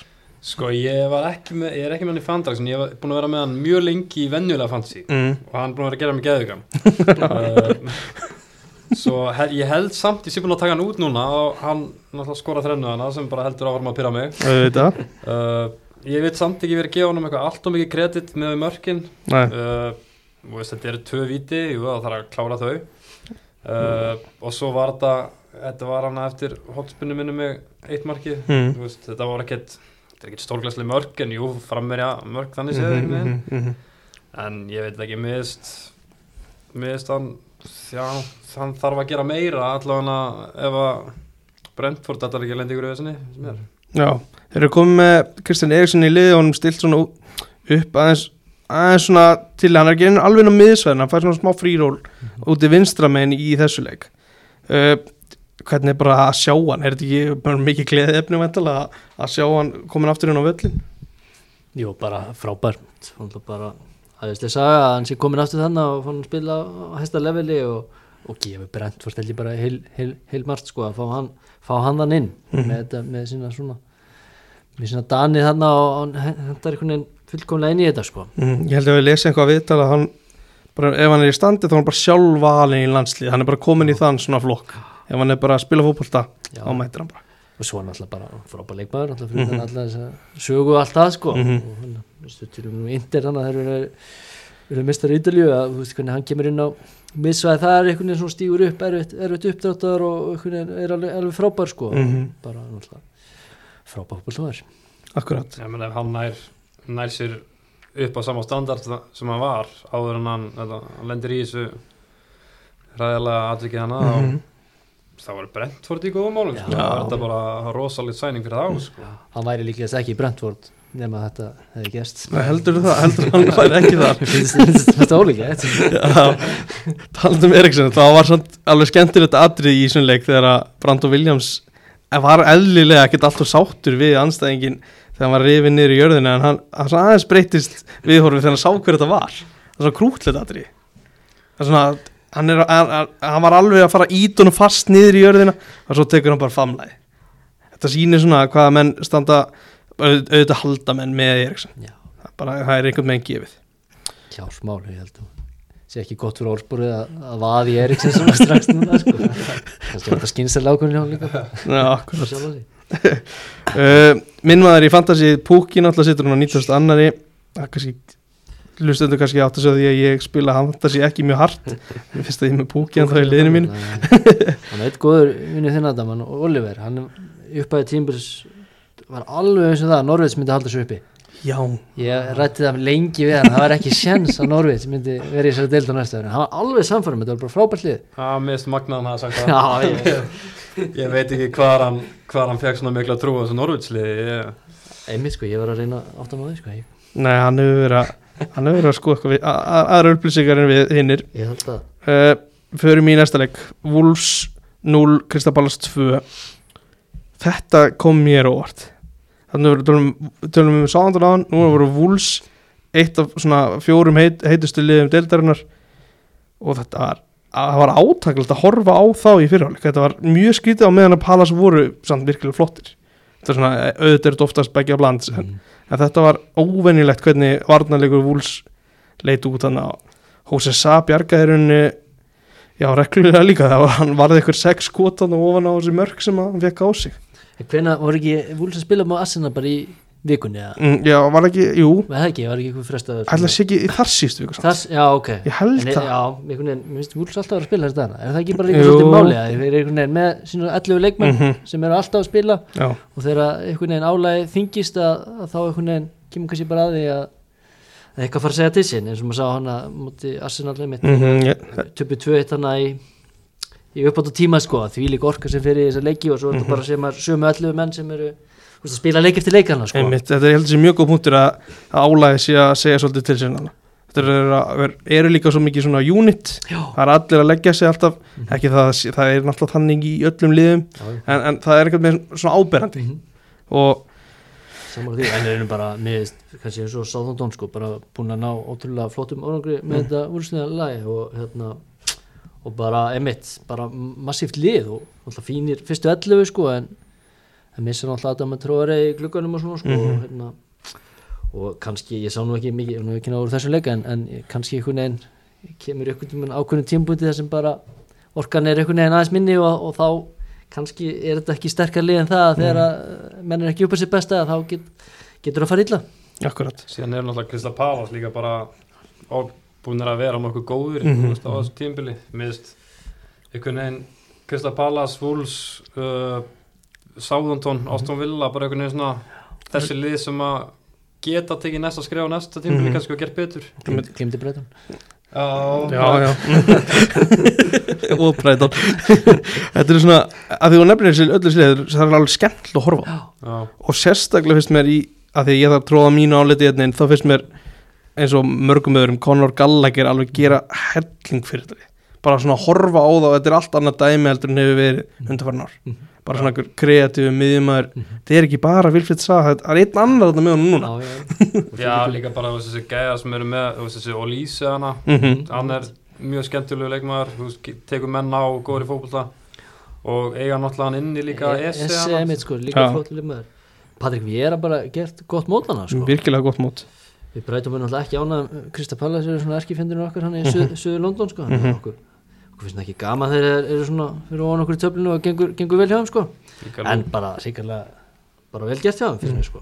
já, líka bara þú veist, búin að særi þess vörnun þeirra er líka bara búin að vera flott sko, þú veist, hana, hvað heitir hann, hvernig sem er þetta, Guehi já, Gehi, já, eitthvað með orðin fyrir liðana og og Andersson flottur Já, Andersen, hann er svona vannmetinn finnst mér Mhm, bara, þú veist, mhm. það var náttúrulega í fúlamanna sem gekk ekkert allt og náðu vel, sko, en var hann ekki orðin fyrirlið þar á tímbili? jú, hann var mikið leitt og hérna sko með presens í þessum gæða sko. Mhm.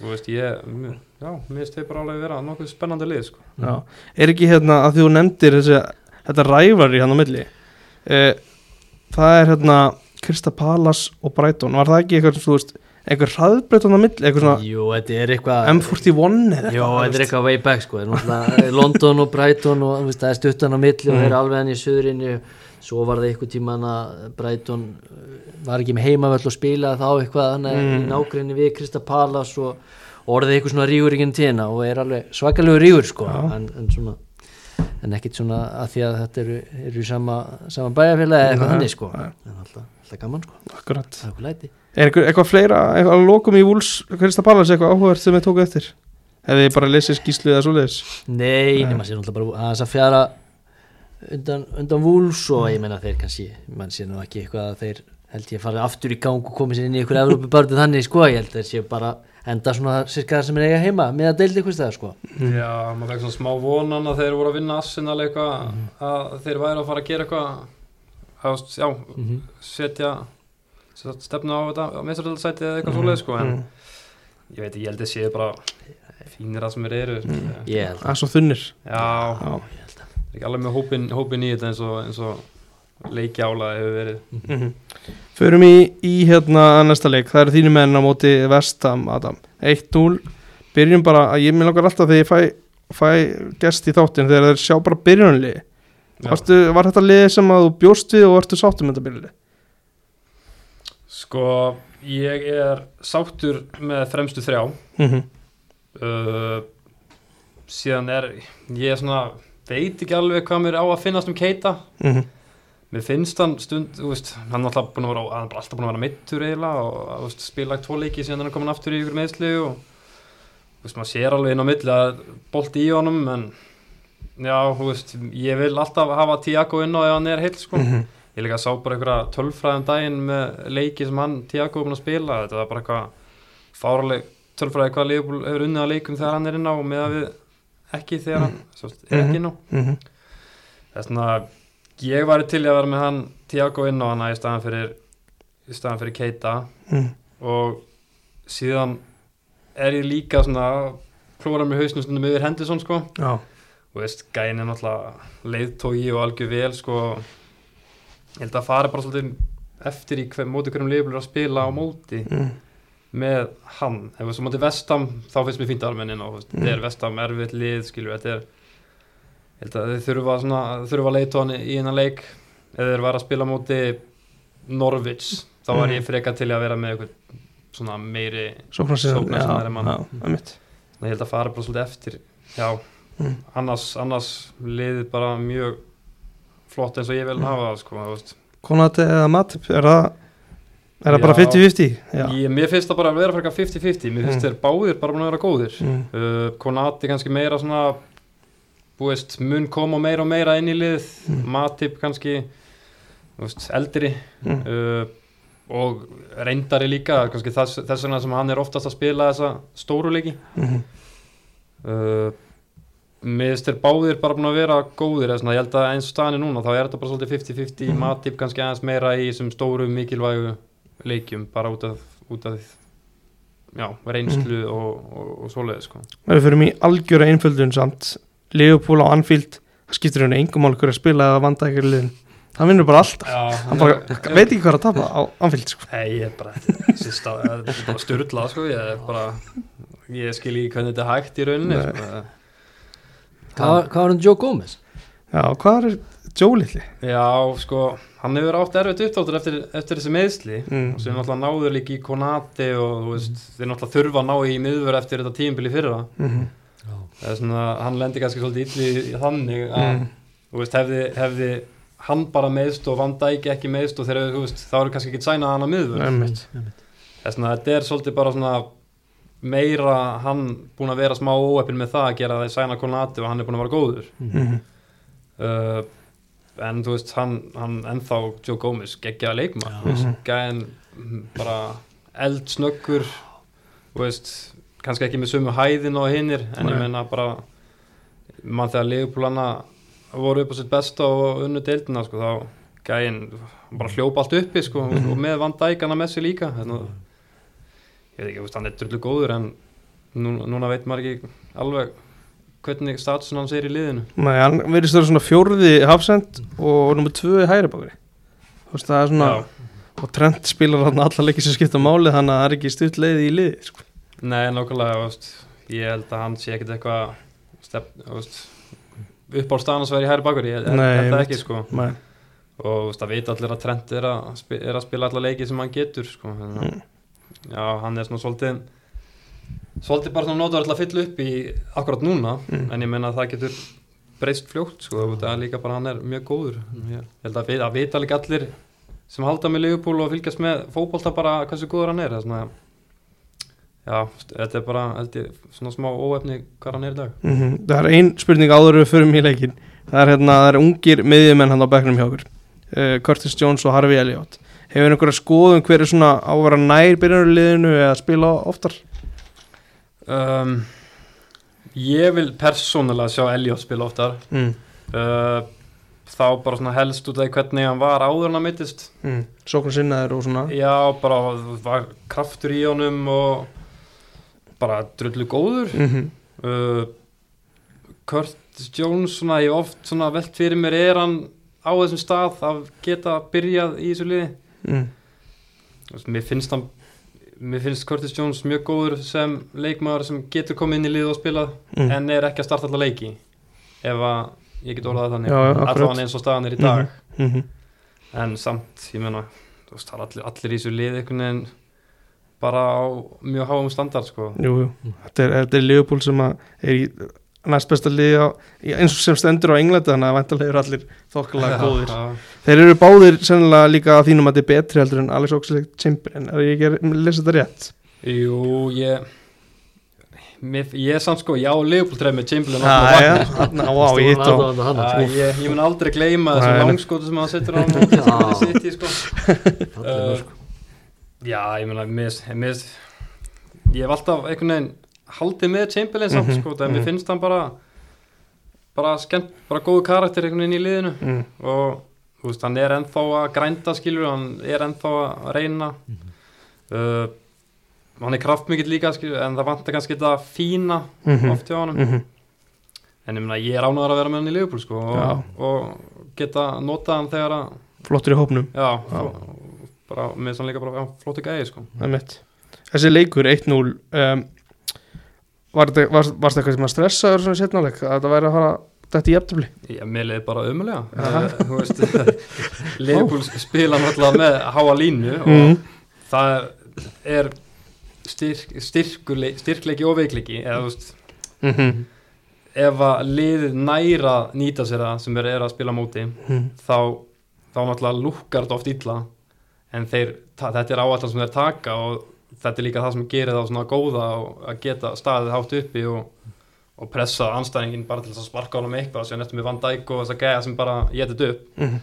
en það er svona þegar að hitliðið hittir á það að þá lukkar þetta oft eins og eins og bara já, bara galopið og það Já. var svolítið að gera svona inn á milli að vestam að svona detta detta inn fyrir og þá leið mér ekki ekki vel sko Mm. Var An- Antonio hann fram með eitthvað trublaðið? Og hafði einhver áhyggjur honum? Já, veist, hann, hann, hann er segur, sterkur Mm. hann er og fl- fljótur líka bara veist, hann er og, og dúlugur, veist, það Mhm. er svona leiðilegt eiga við hann og þú veist, Konati var svona smá að ströggla með hann, svona smá, fór kannski með aðeins svo mikið sjálfströst inn í innvíðin sem sterk, þú veist, drullu sterkur sjálfur Mm. og þá, þú veist, Antonio náttúrulega bara já, nýtti sig það kannski svona styrkleika sinn þá og svona að, að gera honum erfitt fyrir en já, mér varst það var hérna var smá, þeir áttu smá í erfiðleikum með hann til að byrja með en síðan svona náður ágætið stjórn á hann Mm. Er í svo stóru þrústig? Það verði ekki, þú veist, 1-0 sigur, það er bara það þú vilt Já, mann er líka bara svona úr því hvernig þetta spilaðist bara Mm. svona, þú veist, þeir voru að, í smá vandræðum varnarlega Vestam var að fá stór færi, sko, bara dauðafæri Mm. Og ná einhvern veginn að halda hreinu og sigla þessu bara heim 1-0 sko, þannig ég bara gæti ekki verið sáttari sko. Nei, ég svona, svolítið í skiptingarnar bara þegar maður veit af leiknum í kvöld. Er að taka Sala út af. Hann gerir það ekkert mjög oft, Jörgen Kloppi og sérstaklega ekkert endilega í stöðinu 1-0 Nei, Sala var líka ekki sáttur en var, Mm. var að labba hann út af sko. Já, er ekki alltaf ykkur í fílu sama hvernig hann tekur út Já, það er alltaf þannig. Mann eða Sala, þeir eru alltaf síður á þeim. Fullan í menn sko, Jóta Díaz á bennum En síðan, þú veist, var hann pyrraðar hann var tekin út af að hann var hann pyrraðar til sjálfa sig líka Mm. og það hann fekk alveg færi til að skora í þessu leik. Þess að Einmitt. það getur verið bara svona mix af, af bland af báðu sko. Ekkert endilega sé eitthvað brjálaður út í klopp sko, bara svona smá ekki hans dagur ef við getum orðað þannig. Nei, hvernig fylgdist þú með þessu leik, Andri? já, ég gerði það nú svona að hluta til sko. Já, og hvað fannst það? Leopold segir, eins og þú segir ríkarlega góður sigur þannig þú veist, þeirra kannski ekki eins og þetta maður segja, kannski ekki alltaf gangu upp Mm.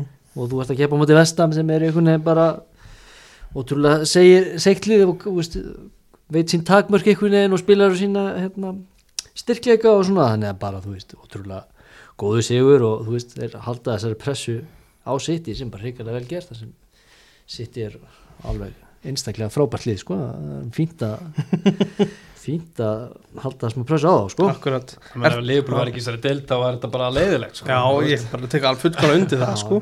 En þú veist, núna helstu með Leopold Heldur þú ennþá smá með þeim eða ertu bara Ekki neitt, sko. Ekki neitt Nei, eiginlega, eiginlega fann ég hinn áttina Já, sko. ma- ok. já, já, nú er ég bara bitur að því ég skipti á Já, skinnum já. tíma og, þú veist, og þessi þjóðverið hana stjórnaði þeim og svona, sko. nú held ég bara alltaf með hinliðinu sko. Já, Það líst mér vel á sko. Mjög gott uh, Jared Bowen er, er leikmaður í vestan sem að Leopold menn horfa hýru auga til Hvernig, þú veist, sér þú þetta sem aðra er að sjá að þetta sé leikmaður fyrir Leopold Sko, mér finnst það mjög góður hann, hann er bara að koma mér á óvart hversu góður hann er mm. uh, Sko, veistu þá þarf einhver að fara Mm. ef hann ætlar að koma, mm. Mm. ef hann ætlar að koma í Liverpool og spila eitthvað að viti sko. Mm. og það væri þá þú veist hvað, er Sala er, mér finnst einhvern veginn eins og hann þyrft að fara ef að bóin ætlar að koma sko. Mm. en þá líka einhvern veginn þú veist, það ert að finna einhvern sem er að fylla upp í fyrir Sala, þú veist, það er erfitt Það er einn í heiminum kannski Kylian Mbappe eða eitthvað Þetta er svona en hérna mér finnst hann bara mjög góð leikmaður, hann meitti sér svo leik sem var mm. kannski, þú veist, jú, mér leiða aðeins betur hann var út af þetta viðkynna, en Já. náttúrulega ekki það að ég vilja sjá hann meðast Mm. uh, já, mjög góður en veit ekki með þess að hvort hann verði liðbúleikmaður næstunni, sko Nei. Þeir voru hérna þeir voru ándeklan ræs í þessum leik sem að ég ætla bara að viðkjönda að ég hef ekki að fara að googla af hverju hann var ekki, var ekki með var, kom það eitthvað fram í tengslu við leikin af hverju hann var ekki með, meittur það? ég ætla bara ég bara Nei. ekki Nei, ég gerði bara ráð fyrir að vera einmitt meittur Já, sko. ég, hann lítur eiginlega að vera það. Já, það er, það er leikmaður sem er svona, það er alveg þú veist City, Liverpool United, það er svo toppurinn sko. Já. Þetta- og ég meina muna nú minna í- fyrir vestam í Mhm. leikis og þessum að, að Dekli ræsi ekki með. Ég ekki ég meina þeir fengu samt Lanzini stálið inn á miðjum Já, já, það er komið Nýtt hlutverk sko. Það að vera meittur hérna. Já, já, ok einmitt, já, einmitt sko en ég einmitt, er mjög hrifin að sem sé, það sem ég sé að honum sko. Mm. en já, og, og saknar hans í leikins og þessum klármál sko, ef að liðbúl var ekki með Fabinho á miðunni, þá væri ég alveg sko að að, í- bara, já, að vonast til að myndi sæna Rice ræsi mm. Það var aðeins hérna, var aðeins að skjóta úr stúkunni á Kurtzuma? Var ekki að eitthvað svona kattar, kattar hérna, var, ekki, var, var þetta gríma eða bánsi eitthvað, hvernig var þetta? Já, þeir voru með en eitthvað þeir, þeir vorum allan með eitthvað svona eitthvað borðað eitthvað, ég veit ekki hvað það var Já. eitthvað svona mynda okkur um eitthvað Hérna að taka hún úr jafnvægi á að syngja eitthvað lag líka hana eitthvað kött þessi gæja geima ein sko. Cats Lives Matter, já, það var eitthvað svona í gangi Já, betur var ekki, það var Flugvél sem flög fór í- já. völlin. Cats Lives Matter eitthvað. ekki þessi að verja þessa höfðun hjá Zuma sko en þetta er þetta er harðir menn hann Já, það er, það er allt reynd í þessu. Já, já, já. Engin miskun nei, nei, nei, nei, uh, 60 í City, er það að fara, er það að fara að vinna til þeirra? Ljúbúl, Ég, ég hef bullandi trú. Sko. leikur til góða líka, ekki? jú, jú. Jú, þetta eru þrjú stegi við Leopold vinnur en að leik sem er að renni. Og mér finnst City vera búin að þú veist, þeir ekki að vera alveg að góðir og hafa verið á tímbilinu, núna bara síkastið mm. Hóruður ekki á leikinu ha, á sunnudagina, já, City United eða? jú, ja, men United eru bara það lélegir að ég er Já, nefn ekki að vera já. já, ég er bara ég ætla ekki að dæma það Nei. nei, nei. en ég, mér finnst ég að vera svona smáir að fá meiri Mm. von eftir því sem líður núna eða sem er búið að líða á hérna, tímabilið og, og veist, þeir voru heppnir sitt í á múti Evertón til dæmis Mm. Evertón er í bullandi, uh, bullandi vandræðum og já, veist, ég bara skil ekki hvernig þetta var ekki vítaspinna þannig að þegar að það er ekki Rodri sem farin í hendina? Jú, það var galið dæmi sko. já, Það er ég bara- bara, ég veit ekki hvernig reglunar eru þetta Þeir er ekki skilja það ekki sjálfur, sko, það er það engin, veit það enginn Nei, Það er svona, já, ég, ég það gaf mér smá von að Mm. sjá það á móti Evertón ég Mm. verði aukina mhm. Já, ekki verið Evertón líka verið heilla. Meira þá eftir. En, en hérna, þessi leikur eh, Liverpool, þessi, mannstu sitt mútið Liverpool og Etihad segjum bara að hann var um næsta helgi, það er aðeins lengur í hann Hvernig horfir þetta við þér? Ert, ert að horfa þetta og þeir að fara að vinna leikin? Eða, er þetta 50-50? Hvernig sér þetta? uh, þetta er nokkuð 50-50 en ég hérna það er náttúrulega ekkert nema sigur sem að dugar fyrir mína menn Mhm. mm veist, það er bara að vera leikur sem getur farað alla vegu. Svona bæði lið sem geta refsa hvora öðru mjög vel bara hvernig þau spila og með leikmennar sem eru með mm. það er svona ómögulegt að spá fyrir um, um leik á milli, milli City og Liverpool. Akkurat. Eitthvað stressaði fyrir indilegnum og kvöld? Nei, ég get ekki sagt það. Um, Mér finnst bara Liverpool vera á öðru stað en Inter mm. er í dag. Þannig að ég vona að ég sé ekki að jinx eitthvað en að komið til með að Nei, þessu með, hvernig það endaði í Ítalíu sko, með hvernig leikunni spilaðist einhvern veginn og, og náðu svo sigri og Mm. mm. sko, hans er langsótt að það verði einhver kúending í kvöld held ég sko. Já. akkurat förum í sunnundagsleikina uh, Watford 2, Arsenal 3 það við fengum við fengum hvað þrjú, eða, við fengum alveg fjögur bara mjög flott mörg í svona leik. Já, stór glæsir, skemmtilegu leikur. Mm. Arsenal menn eru að missa sig við Martin Ödegard Já, ég er sammála því. Mm. Ég er hann svolítið eh, svona Klubunum með Arsenal-maður. tvö er svolítið Arsenal sko. Aðalega Ben White fór yfir sko Mhm. og, og byrjaði svo ill og menn og er alveg fann að hýja á hann og hann var lélu varnamæður og svona sko en mm. Annar anna hljóðum núna sko. Ég er rosalega gaman að, styrta á þessu Arsenal liði sko. Já, út að fíla, hvað er gangi hérna? Já, bara frábært sko. Og með hennar Ödegard og Martinelli og Saka fyrir aftan Lacazette sko ég bara staflega unnun að horfa á þetta sko. Mm -hmm. og Ödegard, já ótrúlega góður mjög ótrúlega klár fótballtamaður og skín svo af honum sko hvað, hvað hann er klókur og klár sko. Mm. Þó, já, þannig að ég tek alveg undir það og, og bara einmitt er svakalega gaman Vanda, ég enda að sakna hérna? Japansans í, Tomiyasu. Tomiyasu, það er gaman að horfa á hann spila mm. en já, er, Mér- já Mér finnst þér spila vel en mér finnst þér vera samt ennþá svolítið brótættir mm. bara þú veist, sko. mörkið sem er skoran alltaf bara geggjur og þegar þeir ná þú veist, þegar þeir hitta þá er þeir að spila geggjaðan fótbolta með, líka með geggjaðan sóknarmennin inn á mm -hmm. en síðan finnst mér þeir ve- vörnin eins og í þessu leik. Þetta er Watford búin að vera í ykkur bulli. Mhm. og þeir eru alveg smá hefnir í þessu leik líka að, að hérna sem sagt að vinna finnst mér. Já, já, ég er, þetta er langt frá því að vera fullmóta eða eitthvað komið á veist, það stiga, þeir getið farið eitthvað challenge eða eitthvað titlaði svona. En ég held maður sjáu bara, þú veist, með að við vandræðin sem er búin að vera hann á undanfannum árum að þetta er einhvern veginn loksins að stefni í rétta átt og þetta eru svona megnum til ungir leikmenn sem eru halda svona, þú veist mátt og stórpan í þessu liði og þetta er svona einhvern veginn þetta er í rétta átt, það klíða mann að sjá það loksins sko, Mhm. eftir, eftir þessi erfiðu erfiðu ár. Mm. Það er eitt sem ég langar að að spyrja þig Adam, fyrst þú ert hérna með Martin Ödegard Þú varst Já. alltaf svolítið í Núri já, Hvernig var, verður maður, varstu hvað varum umræðum hann, er hann er hann bara stjarnan þeirra áður en að Hóland kannski svona byrtist já hann bara lang, var langstæsta nafnið hann sko. Mm. hann bara hérna náttúrulega keiftu til Real Madrid skilu. það er Mm. ekki á hverjan degi sem einhverju svona keiftu beint í aðali á Real Madrid og hann á átti erfitt uppdrátt að alltaf byrja með og hérna já bara hann átti erfitt uppdrátt en mm -hmm. hann er samt bara risa stórt nafn hann í Nóri sko. Mhm. og hefur kannski aðeins núna eftir að Hóland kom á sjónasviði svona ekki jafn mikið talað um hann út af því hversu risa stór Hóland er Mm en ég minna hann er, jú, mjög stór það er líka bara mögnu, mögnu svona saga frá honum og svona sigla hjá honum þú veist, Mm. er farið til Real Madrid og ekkert gengur upp allir að býða eftir og springur út og þú veist, liðin ykkur ár og svo er hann einhvern veginn svona hægt og rólega að verða bara af svona hátt í heimsklessa leikmanni í stóru liði þú veist, í stóru hlutverki mm Mhm. bara, bara segja manni margt, margt um hann sko. Það er alveg hægt sko, þetta er kannski svolítið langt seilst en að því að þið eru nú báði blíkar og það er eitt blíki sem er að spila bara í Ajax sem er, þú veist, það er svona stórtlið að fara út í en þetta er samt svo mikill munur á því að fara til Ajax eða Real Madrid. Ég held, ég sé ekki að ljú ég held að hafa alveg komið eitthvað til greina að auðvitað færi Ajax sínum tíma, já, það er pottitt allavega verið í einhverjum umræði uh, potið að umhverfið sem að Kristján Nökku er í það er bara eitthvað með eins og miklu betra fyrir unga leikmann. Stittra í stittra eitthvað með í að fá tækifæri í byggarleik og hvað og og stáð Ödegard, einmitt þessi saga að hann sé núna komin í úrstættina byrjaði að að hérna blómstra og svona hann er svona loksis komin á sinn stað veginn. Er þetta ekki, er ekki svolítið rétt með þetta?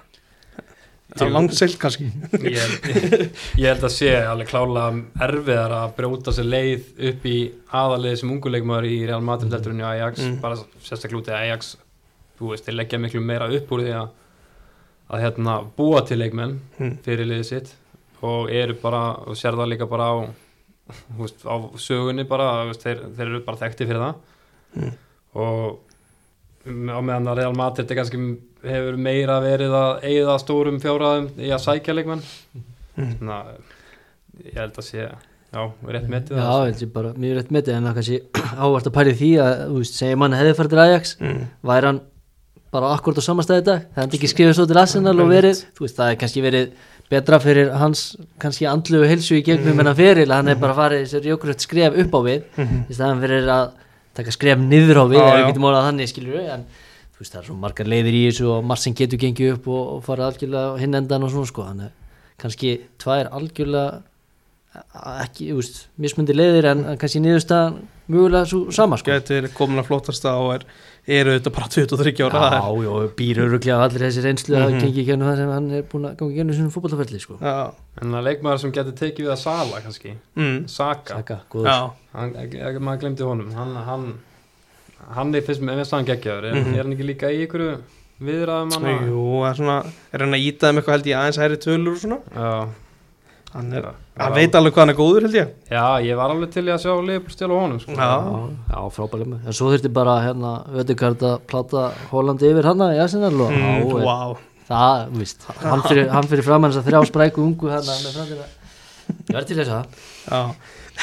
Marki hjá Guccio Hernandez uh, þú veist þetta, við, við talaðum um að það voru fjögur flott mörg af, þessi Soko marki var svona meiri hark einhvern veginn í gegn Guccio hann að klifta hann í veist, bara svona gæði í spilar sem er kannski að fara neyri championship þetta er, af því að vott var samsetningin þetta er svona, aftur þessi spurningur svona langseilst, en þetta er samt svo það er eitthvað svo töff að, að leikmæri bara fallseti í úrslutinni sé satt með svona gæði sko. Mhm. þetta er kannski svona þetta er eina ástæðan fyrir að við elskum þess að bara að leikmenn í, í neðri legunum þeir eru alveg með þessa töfra sko. þú veist og þú ert að horfa á við erum að horfa á sóknarlínanda Dennis, Kutsjó og King þetta er allt bara Já. flottir úrslita spilar já, já. Og já, Petru hann er mitt Já, spennandi einmitt. leik, Mjög spennandi leikmann Já, Mér fannst þér góður á tímabili hann Mhm. í, hana, í deildinni með þegar Dennis var hann á sinni besta og bara lúkaði nokkuð vel fannst mér en síðan Svo náttúrulega Sarr líka ekki Jú, Sarr var ekki með í þessu leik leik. En ég var- meina, já, ég held að sé alltaf svolítið spurningum með mitt, einhvern veginn, samsetninguna sko, þú veist, það eru kjálega fullt af hæfileikaríkum leikmönnum hann í, í Votford og þú veist, hafa verið í gennum árin svona þegar það hafa verið að fara upp og niður milli deilda sko, svo er þetta einhvern veginn spurningum það hvað leikmannum er að setja saman hverju sinni og hvernig hann fungerar sko, eins og vorum að ræða með njúkastjól og hvernig það Mhm. getur gengið eða ekki gengið og svo framvegið sko, þannig að, þetta er svolítið vilt, já, það er svolítið vilt lið einhvern veginn Já. Við erum með, komið að þriðja stjóra núna á tímbilinu og komið Rói Hodgson sem að bjargi sig og Ranieri inn í farin og að ég veit það ekki. Þetta verður frólægt að sjá það er hvernig þetta svolítið einmitt, einhver svona langtíma Einmitt. planið þarna sko. Þetta er, ég held að þetta tengist alltaf eru með eiga líka sko út í nesi og eitthvað að lifa á spáni þessi sömu eigendur. Einmitt, og þólum að hún er ekki mikil. Alls ekki. Þegar það illa gengur. Uh, Já, hvað haldið þið á þessi tíumóti að Arsenal sé líklegast að liða til, til að taka fjórastið? Úst, tablan segir það en eru þið á þeirri skoðun? ég held að Mm. ég, ég held að bara vona það innilega sko ég held að segja líka bara Vá, með að hvernig hinliðin eru líka Andri kemur aldrei aftur Já, með að við hinliðin sko líka, þú veist United og já, já, og það er líka bara svo rökrétt og gott skrif í þeirra þr- einhvern vegferð sko, allt Mm. þetta og það sem þeir eru að gera sko. Það er mitt Nákvæmlega, uh, annar lið sem er í allar að vonast til að fara í, í top fjóra en lítur bara alls ekki vel út þess að dagana. Uh, það er Master United. Þeir voru að spila já, sumir segja sinn annan erfiða, erfiða leik eftir að Rannik tók við og það síndi sig að framförin á liðinu er bara engin síðan, í, síðan að Solskjær fór. Hvað hérna þegar þeir eru að horfa á hann leik, hvað, hvað fannst ykkur? Ég Þetta vil bara segja United. Séu lélir Já, Ég held með Uniteds leik sko. Mm, þessin eru svona ógislega lélega líka. Ég gaf mér alltaf mikla vonan að jöfnuðu eitt Já, eitt. Já. fór eina sókn þannig að Já, Ég er svo mikill Guardiola maður einhvern veginn Ég er búin alltaf að Guardiola vinni þegar hann er að þjálfa Mm. eitthvað lið sko. Mm. Og ég er bara ótrúlega hrifin að þessu sitt í lið Hvernig er leggjum bleikina og, og spila og, og eins og þessi leikum er bara frábærlega að spila í höfum en eins og þú segir líka Adam, þá kannski voru gæðin hjá mannsestir ekkit, ekkit svöggarlega sko. Ég er bara með, þú veist, við vorum með Pogba sem einhverja falska nýju eða eitthvað hana og með, þú veist, þá var hann að, ég vona, gerði vel, hann kom boltan og kannski á Sancho hana sem átti reynda eftir að gera já. þegar hann skoraði. Þá fannst mér þetta veginn Æ, ég veit ekki, mér fannst það bara ekki alveg virka. Nei, Nei. en ég held að þetta sé bara munurinn á þessum liðum í dag sko. Já, og síðan, já, síðan ertu, þú veist, þegar að Mag Maguire og Lindelöf mæta hana þessum gæjum hana frammi á City sem eru veist, snöggir og fyrst, fyrstu metrónum góð með boltan og Mm. einhvern veginn mátti ekki gefa þeim neitt þá þá er þetta, er þetta smá basl? Mm. Það sem ég er United maður þá get ég ekki alveg hafa með að segja ekki mínu skoðun. En þá hérna já. uh, við erum að horfa á byrjunlið sem er ekki með sóknamann og það er alveg stór skilabóð hann á Markus Rashford að hann þurfa að rífa sig í gang. Það. Mhm. þannig að það er ekki að byrja þennan leik. En svo er fyrirliðlýsin sem er búin að vera umtalað. Hvað hann hefur verið áttu mjög slæmt tímabil. Ég held að ást, hann myndi potið segja það sjálfur. Og veit að best að hann, á, hann getur betur þetta. Hann heldur alltaf áfram að koma með svona trúðalæti það lætur boltan ekki klófuð sér í, í öðru markinu sitt í Eða, veist, ég veit ekki eins og hvort það sé meðvitur um að hann sé að gera þetta að þetta er svo skrítið ég held bara, þú veist, ég held að hann lúkka líka bara svo ekstra illa þegar liðið er svona Mm. stjórnlöst einhvern veginn, Já. þegar liðið lendir í því að, að hlutinni leysast upp í leikjum Mhm. þá finnst mér hann lúkka ekstra illa út af því hvernig hann er bara Mhm. Mhm. hann er ekki með bestu heldur en að líkams tjáninguna Nei, nei, mitt. Hann er auðvelt fórtanlam sko það er auðvelt já, já, setja út á hann kjólega Cavani fekk svolítið gaggarinni heldum aðeins áfram United randinu mínu að Mhm. fyrir að hafa ekki harkað af sér þegar það virkilega þurfti á og hann halda. Ekki, ég veitur örugglega engin nákvæmlega hversu meittur hann er. Uh, svo gleymist auðvitað ekki það, það er ekki eitthvað United tengt hannig það mál hjá Mason Greenwood það gleymist að hann var einu sinni í United. Það hefði alveg spilað på þennan leik. Já, já, og Ronaldo hana, hvort hann var meittur eða hvort hann átti að byrja á bekknum með einhverja sögur og já. Þetta er eitthvað ég veit ekki alveg hvað maður, hvað, hvað maður að lesa í þetta sko. og núna bara aftur einhvern veginn ef maður byrjar að heyra eitthvað og klefin sé ósáttur og eitthvað svona mm. mm. ég held að sé bara eitthvað mikið að ég held veist skiptir við alla máli hver er að koma hann en ég held að það þurfa að breyta bara mjög miklu sko. Mhm. Já, ég held að það sé klárt mál sko og alltaf eins og þú segir mikil forföll í, þessu, í þessum leik hjá mannsestir sko þú veist kannski erfitt að sjá svona veist, hvað, hvernig ykkur svona raugrætt uppstilling hefur verið á liðinu og Mhm. Ykkur væntarlega pæling hjá hjá eitthvað að einhvern veginn að mæta sitt í svona sko, einhvern veginn að skynnsamari hátta en eitthvað annað sko. En, en þú veist svo svo bara fer það, þú veist, ertu lendur undir eftir, eftir nokkra mínútur og, og leikplanið orðið hálfa erfitt og allt það sko. Og Já. svo bara munurinn á gæðanum í sliði og bara stemningunni og einhvern veginn struktúrnum og, og öllu því sko, bara einhvern veginn skín í gegn. Kevin De Bruyne sem að sem að ég har alltaf verið að koma betur og betur í ljós að hann, hann er til staðar í stóruleikin mm. mótið Chelsea, mótið Liverpool og mótið United þegar það þarf að koma einhver svona yfir línun og klára þetta þá er hann mættur, hann skorar yfir í þessum stóruleikim meðan kannski á mótið Votvortinu með eina stóðsendingu 7 sigri segjum það. Mm -hmm. Þetta er svona, hann er maður stóruleikjana og þess vegna er hann einna bestu leikmennu heimi. Eða þú veist, er ekki alveg að segja það? Að hann sé einna, einna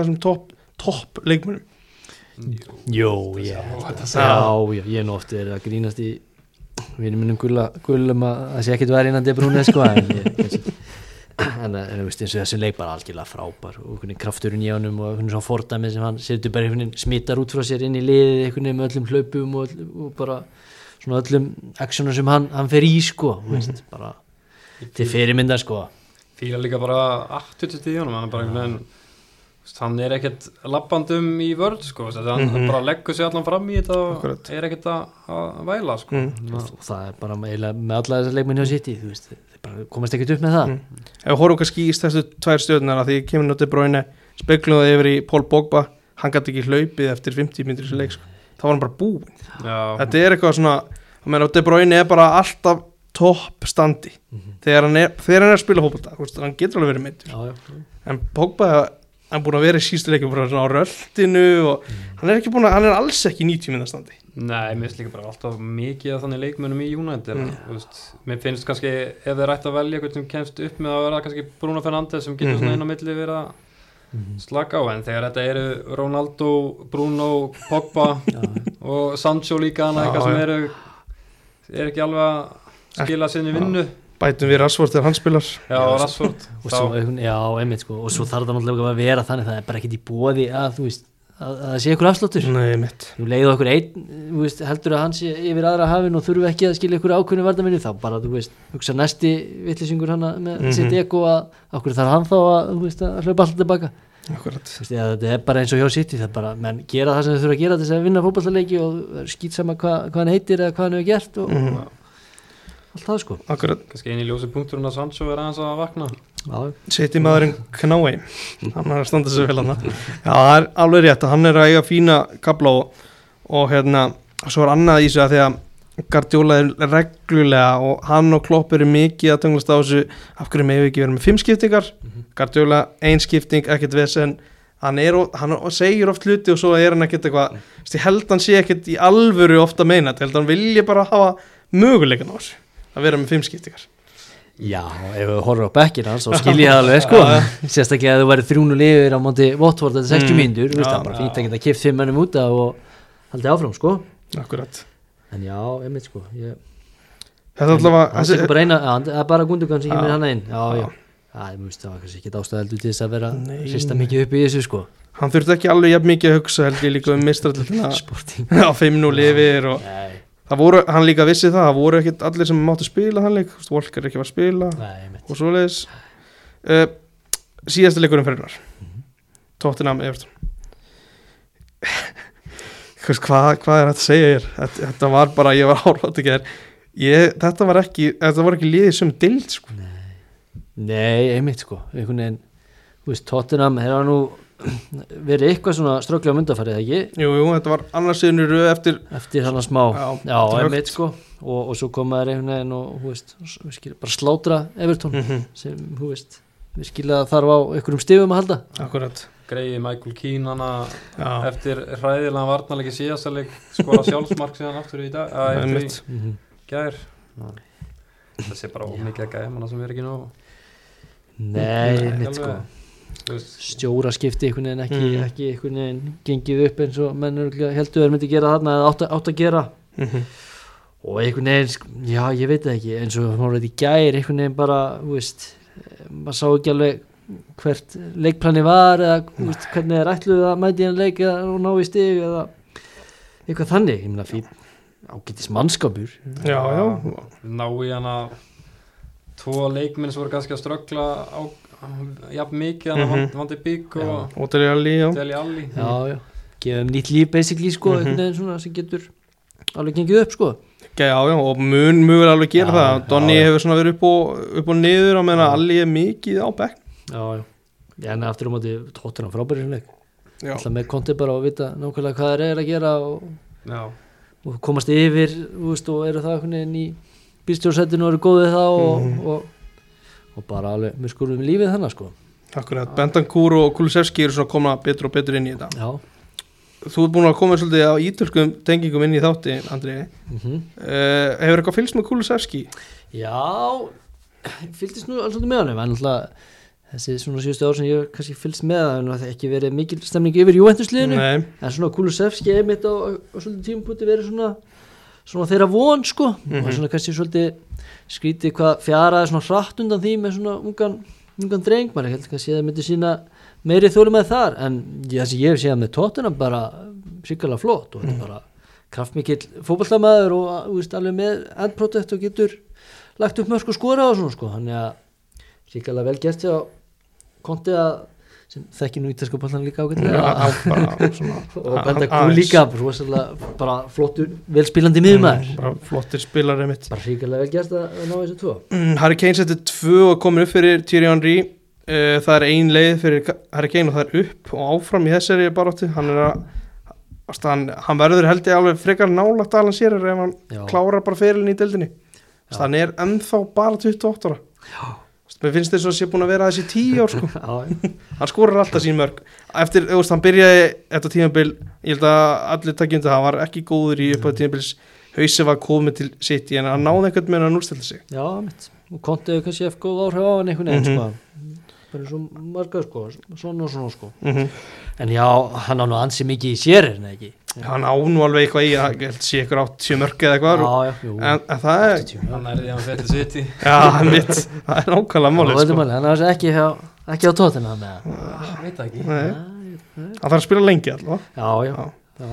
uh, langar að spá láta ykkur spá áður en að þetta er búið. Þetta er nú orðið langu þáttur eins og eh, venjan er.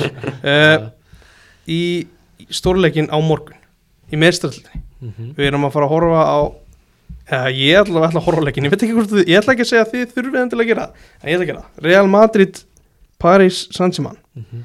hvað eru að fara að sjá í þessum leik? Þetta er einn erfiður leikur að spá í Já. maður ha? Ah. Já, Ég vona bara að Real Madrid verið aðeins hugrekkar en þið voruð í síðasta leik Mm.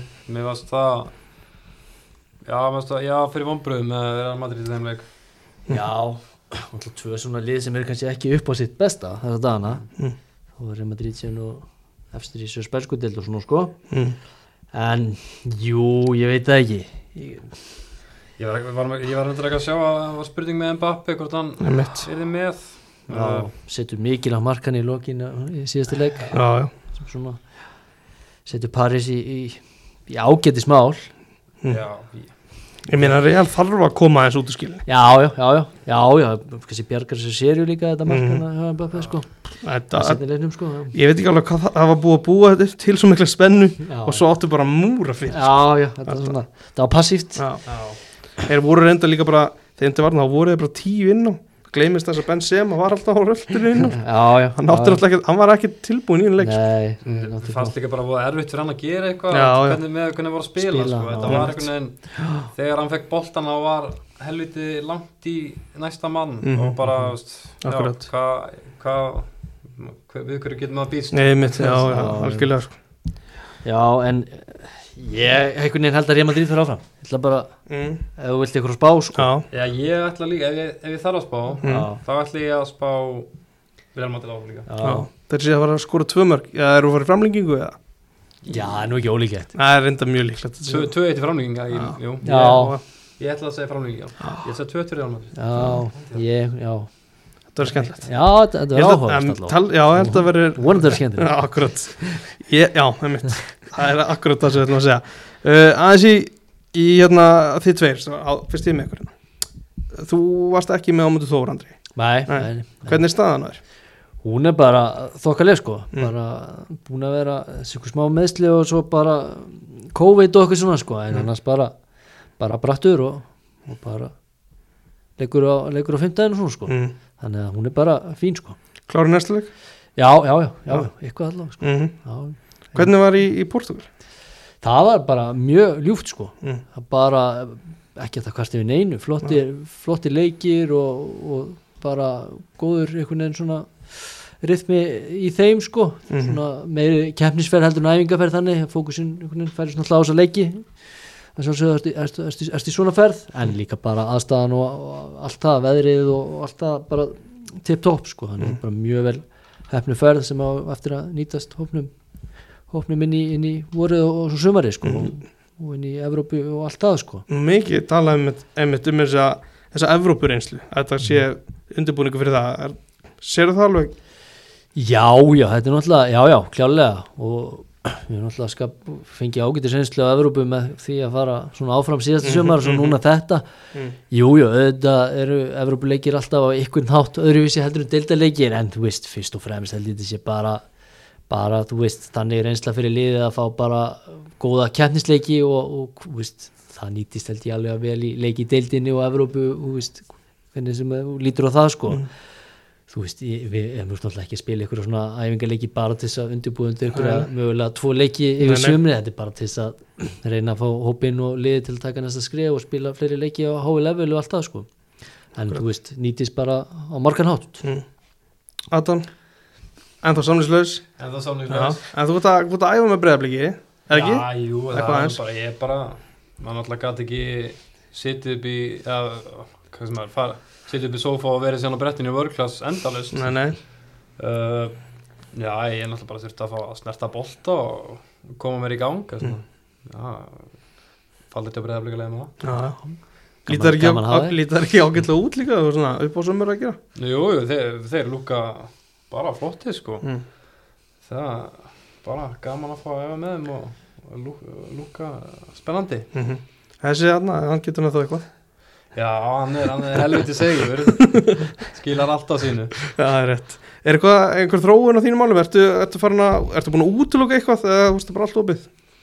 það er bara allt opið sko. Ég er bara að býða eftir að rétta komi sko. Mm A- annars er ég bara það er ég bara á æfingum mjög breyðaflega koma til.